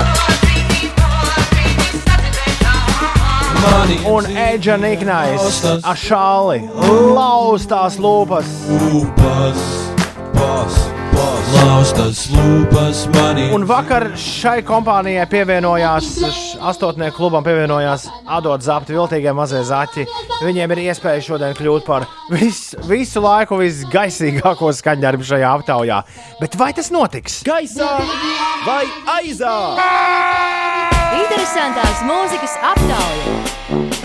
Viltīgie mazie zaķi zēļi tādi. 2, 9, 3, 1, 2, 0, 2, 0. Mēs spēlējam līdz divām uzvarām. Viltīgie mazie zaķi pret Billy Eilish un Vitas. Wapā, pa, pam, pam, pam. Labrīt, halo! Kas mums zvana? Sveiki, šoferis Mārtiņš. Mārtiņ, ļoti labi, ka tu esi šoferis. Ko tu šoferē šodien? Es braucu tāpatās šodien bez krāviņas. Nav ko darīt. Pabraukāsies, vai ne? Pabraukāties, pavīdzināties. jā. Paklausīsies rādio normāli. Jā, viss labi. Tieši. Klausies, kas šodien jāmet gaisā. Man liekas, vajadzētu uztaisīt izaicinājumu, un uzmest to visas gaisā. Uzmest uh, šo septīto elementiņu, ja? Jā, jā, jā. Labi, metam, metam, lai tev forša diena, čau! Labi. Izaicin, izaicinājumiņš pieņemts. Izaicinājumiņš. Vilija Ailiša un Vitas iet gaisā. 1-0. Nu ko? Playoffi. Turpinās. Halo! Šeit Labrīt, gaisā vai aizā? Kas mums zvana? Vičijs zvana jums šodien. Mikijs vai Micīts? Vičijs. Mičijs. Tas kā Mičijs Ručs. Tā, man ir jādod tā atbilde. Es domāju, ka es, es biju domājis balsot par Vitas, bet šoreiz nobalsošu par zaķiem, lai man netiek tas sloks sabojāt to uzvaras gājienu. Lai nav tā, ka tev pēc tam Te vesela kaudze, jā, lēlītē dursta, maza sadatiņas. Jā. Labi, lai, lai, lai notiek. Zaķi nepadodas. Viens, viens. Iedomājies, baidoties no izrēķināšanās, tagad neviens nezvanīs. Labrīt! Kas mums ir sazvanījis?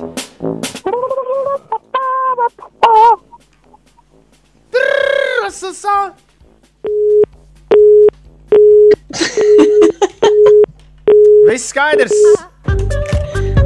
Tas ir noticis. Astotnieku klubs paliek neskarts. Droši vien, nevis droši vien, bet tikai nākamajā sezonā mēs, ceturtajā sezonā, uzzināsim, vai kādam tomēr šo maģisko astotnieku izdosies pārspēt.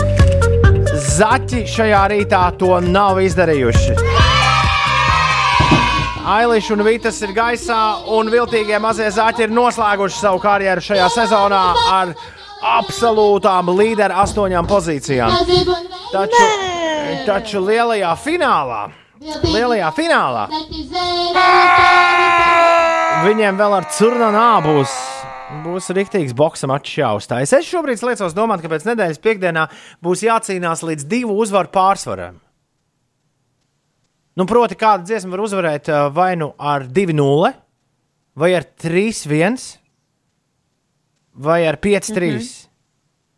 Tur, piemēram, 4-2, 5-3. Vienot sakot, visu laiku ir jābūt eh, nedara, ja tu esi vadībā ar vienu punktu pārsvaru. Un tā man šķiet, ka visi mūsu pasaku tēli pagūs piezvanīt un vismaz vienu balsi nodot. Gan Gunča no Pāvilostas, gan, gan Kliedzējs, gan Nu, Badījis, jā, gan Ingvars. Vitas, Vitas eh, es sarēķināju, var tikai sešas uzvaras dabūt. Ja, pat ja katru dienu uzvar. Un Un tad, ar to un- un- tikai trešā vieta. Bet tad mums jātaisa divi fināli, jo tad jā, jānosaka, kas vēl trešajā vietā būs. Jo tur viesturs ar sešām uzvarām sēž. Nu, paskatīsimies, kā būs, tā būs gal galā. Es iepriekš pārteicos par uh, gaisā vai aizā runājot. Viesturzam tik piecas uzvaras. Ja Vitas uzvar visus rītus pēc kārtas, tad viņš var vēl viesturu no pirmās, tri, pirmā trīnieka izmest ārā. Tā kā vēl jau kaut kāda notikuma nākamā nedēļa var notikt. Tu gal galā nākamā piekdiena vispār pie radioaparātiem lielais fināls. Viestē Cernānā pret Adot Zapti un viltīgi mazajiem zaķiem. Un tikai tad mēs noskaidrosim, kurš šajā sezonā pacels zelta vitāliju virs savām, virs uh, savām ķermeņa aprisēm. teiksim tā. 8,53. Ines, kas notiek? Amerikas Savienoto Valstu Nacionālā ierakstu mākslas un zinātnes akadēmija nedaudz mainījusi kārtību pretendentu izvirz, izvirzīšanai eh, Grammy balvai. Turpmāk jaunajiem mūziķiem pavērsies plašākas iespējas. Nākamā 63. ikgadējā balvas pasniegšanas ceremonija notiks nākamā gada 31. janvārī, un uz to varēs pretendēt vairāk jaunie mākslinieki. Eksperti uzskata, ka izmaiņas dos lielākas iespējas reperiem, kuri mēdz izdot daudzus singlus un tāpēc uh, tika diskvalificēti. Tāpat šo notikumu dēļ balvas savulaik tika liektas uh, iespējas vairākiem vēlāk slaveniem dziedātājiem, tā skaitā Vitnijai Hjūstonai un Lēdijai Gaga. Jaunie noteikumi apstiprināti pagājušajā mēnesī, un 66 lapas puses garais dokuments pirmo reizi publiskots interneta vietnē gremijas.com. Tas par ārzemju notikumiem pašmājās. Šovakar eh, dažni dažādi pasākumi plānojas. Lidlaukā spilva šodien norisināsies liels autokoncerts ar 500 automašīnu vietām. Tur uzstāsies vairākas Latvijā zināmas grupas un arī kāds DJs. Vēl eh, šodien, pulksten septiņos vakarā, pirmizrādi piedzīvos teātra trupas kvadrifrons izrāda LV VSRU. Izrāde ir vēsturisks mīlestības stāsts par latviešu un krievu valodīgo attiecībām. Izrādes pamatu veido radošās komandas stāstu par dzīves laikā piedzīvoto. Forši. Ai, ai, ai, ai, ai, ai, ai, ai, ai, ai, ai. Tā, tā, tā, tā, tā, tā, tā, tā, tā, tā, tā, tā, Ir laiks interesantajām ziņām.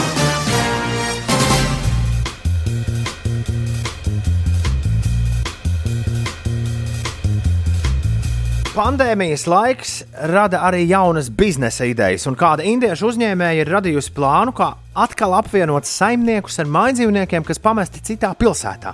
Vairāki Mumbajas iedzīvotāji dažos gadījumos ļoti turīgi ir bijuši spiesti pamest savus četrkājainos draugus citā Indijas pilsētā, Delī. Jo dienās, kad Covid-19 dēļ, kuru katru brīdi draudēja apstādināt, visu avio satiksmi, dažādiem eh, klēpju sunīšiem un līdzīgiem kustoņiem lidmašīnās vienkārši fiziski nebija vietas. Un, ja tu lidoji teiksim, no savas rezidences Delī uz Mumbai, tad sunīši tika atstāti. Tagad Dīpika Singa radījusi iespēju atvizināt dzīvniekus no Delī uz Mumbaju, organizējot pirmo pasaulē tikai dzīvnieku čārter reisu. Viņi ir norī, noīrējusi sešvietīgu privātu lidmašīnu, samaksājot par to 12,000 dolārus, un šobrīd cenšas pārdot sešas zvēru biļetes uz reisu par katru prasot 2100 dolārus. Jāpiezīmē, ka peļņas procents nav pārāk liels, bet tas laikam tāpēc, ka viņai vairāk rūp dzīvnieciņu labklājība un uzņēmēji vēlas, lai dzīvnieki varētu ceļot komfortā, nevis iespiesti bagāžas nodalījumā. Un vēl Ulu varētu būt, ka viņai pašai ir viens dzīvnieks, un tad viņi vienkārši grib paķert vēl pāris Ā. citus līdzi. Nu. Lai atsistu izmaksas. Jā. Un ar vilcienu mēs filmā esam redzējuši, laikam nav arī versija sūtīt. Nu, Indijā īstenībā mēs nemaz nezinām, kas Indijā notiek. Jo Indija šobrīd līd, līdzās Brazīlijai un ASV ir viena no uh, epidēmijas nu, tādām centrālajām valstīm. Un, un tur taču arī Ilgi mūsu tautieši, kur meklēja atbildes uz visiem jautājumiem, nevarēs tur aizbraukt. Tās smelties. Eh, Labi, bet jebkurā gadījumā, turpinot par Depiku Singhu, izskatās, šīs uzņēmējas plāns būs izdevies, jo uz zvēru reisu palikušas tikai divas vietas. Un vai ar nopelnītajiem 600 dolāriem pietiks, lai uzsāktu jaunu zvēru avio biznesu? Nu, to mēs tā kā nemākam, nemākam spriest. Turpinot par zvēriem, izrādās negaidīti par pandēmijas upuriem ir kļuvuši grauzēji. Konkrētāk, leģendārās Ņujorkas žurkas, kas metro dzīvo. Kam vienkārši trūkst pārtiks pavisam vienkārši iemeslu dēļ, jo restorāni tad ir cieti. Kā ziņo vairāk automeistari Amerikā, pēdējo nedēļu laikā neticami bieži nācies saskarties ar gadījumiem, kad grauzēji iekļuvuši automašīnu motorā un uz kārā zoba likuši dažādas caurules. Daži autoražotāji vadu izolācijai izmanto uz sojas bāzētus materiālus. Interesanti, ka ne uz kukurūzas. Jā, es arī šo nezināju. Īpaši kaut kādi Japāņi. Bet interesanti, ka ne kukurūza. No Amerikā, amerikāņu mašīnām, zinām, Amerikā kukurūza pavelt. Nu, vajadzētu kukurūzai būt. Bet jā, daži nē, auto ir autoražotāji eh, vadu izolācijā izmanto sojas bāzētus materiālus, kas žurkām tīri labi iet pie sirds, taču rada hausu automašīnu elektrosistēmās. Zino, nu, mums laikam jāvienojas, ka labi, ka pie mums tā nav un mums viss, viss mierīgi. Bet es Ņujorkā pat, pat īsā pastaigā izējot, redzēju vienu no leģendāriem Ņujorkas žurkām. O, man Nu, tas tiešām- Man, man saules, kā tu viņu sauc, saules dēls man rādīja, kurš nāca ar mani runāties un gribēja dolārus. Viņš man rādīja, viņš teica, pasties, kāda man jauka žurciņa. Viņš vienu bija pieredzinājis. Ah, nē, tā, ko es redzēju, tā nebija jauka žurciņa. Tā bija tāds nezvērs, kā puskaķi lielumā. Ui! Traks var palikt. Lūrēja uz man dolāru picu kārām acīm. Evo, klausies, jaunu saulē šodien Zanē ir foto izstādes atklāšana. Zanē! O, Apsveicam! tas Bauskas pusē. Zana varētu kādreiz mūsu uzbildēt. Trietā. Mums tāda Attālināti. Mums tāda kārtīga trietā ir bijušas, bijušas divas fotosesijas. Vienreiz Ines bija dvielī tikai tērpusies. Nē, Un tad bija tā svaigākā. bet neviena no šīm fotosesijām man nav patikusi. Vai drīz būs jauna, tā kā mums ir jāsapošas, jāsāk un jāizdara. Ja, ja, ja mēs saulēcīgi par to nedomāsim, tad atkal izskatīsimies pēc bēdīgi slaveniem ķēmiem. Tā ir, tā ir. Evo, rītdiena ir piekdiena, kas daudziem būs vairāk kā ceturtdiena. Labi, tad mēs vienalga būsim kopā ar jums starp 6 un 9. Un podkāstā e-punkts uzslīpstīt podkāsts un rīta 5 LV. Paldies, ka klausījāties! Visu labu! Atā!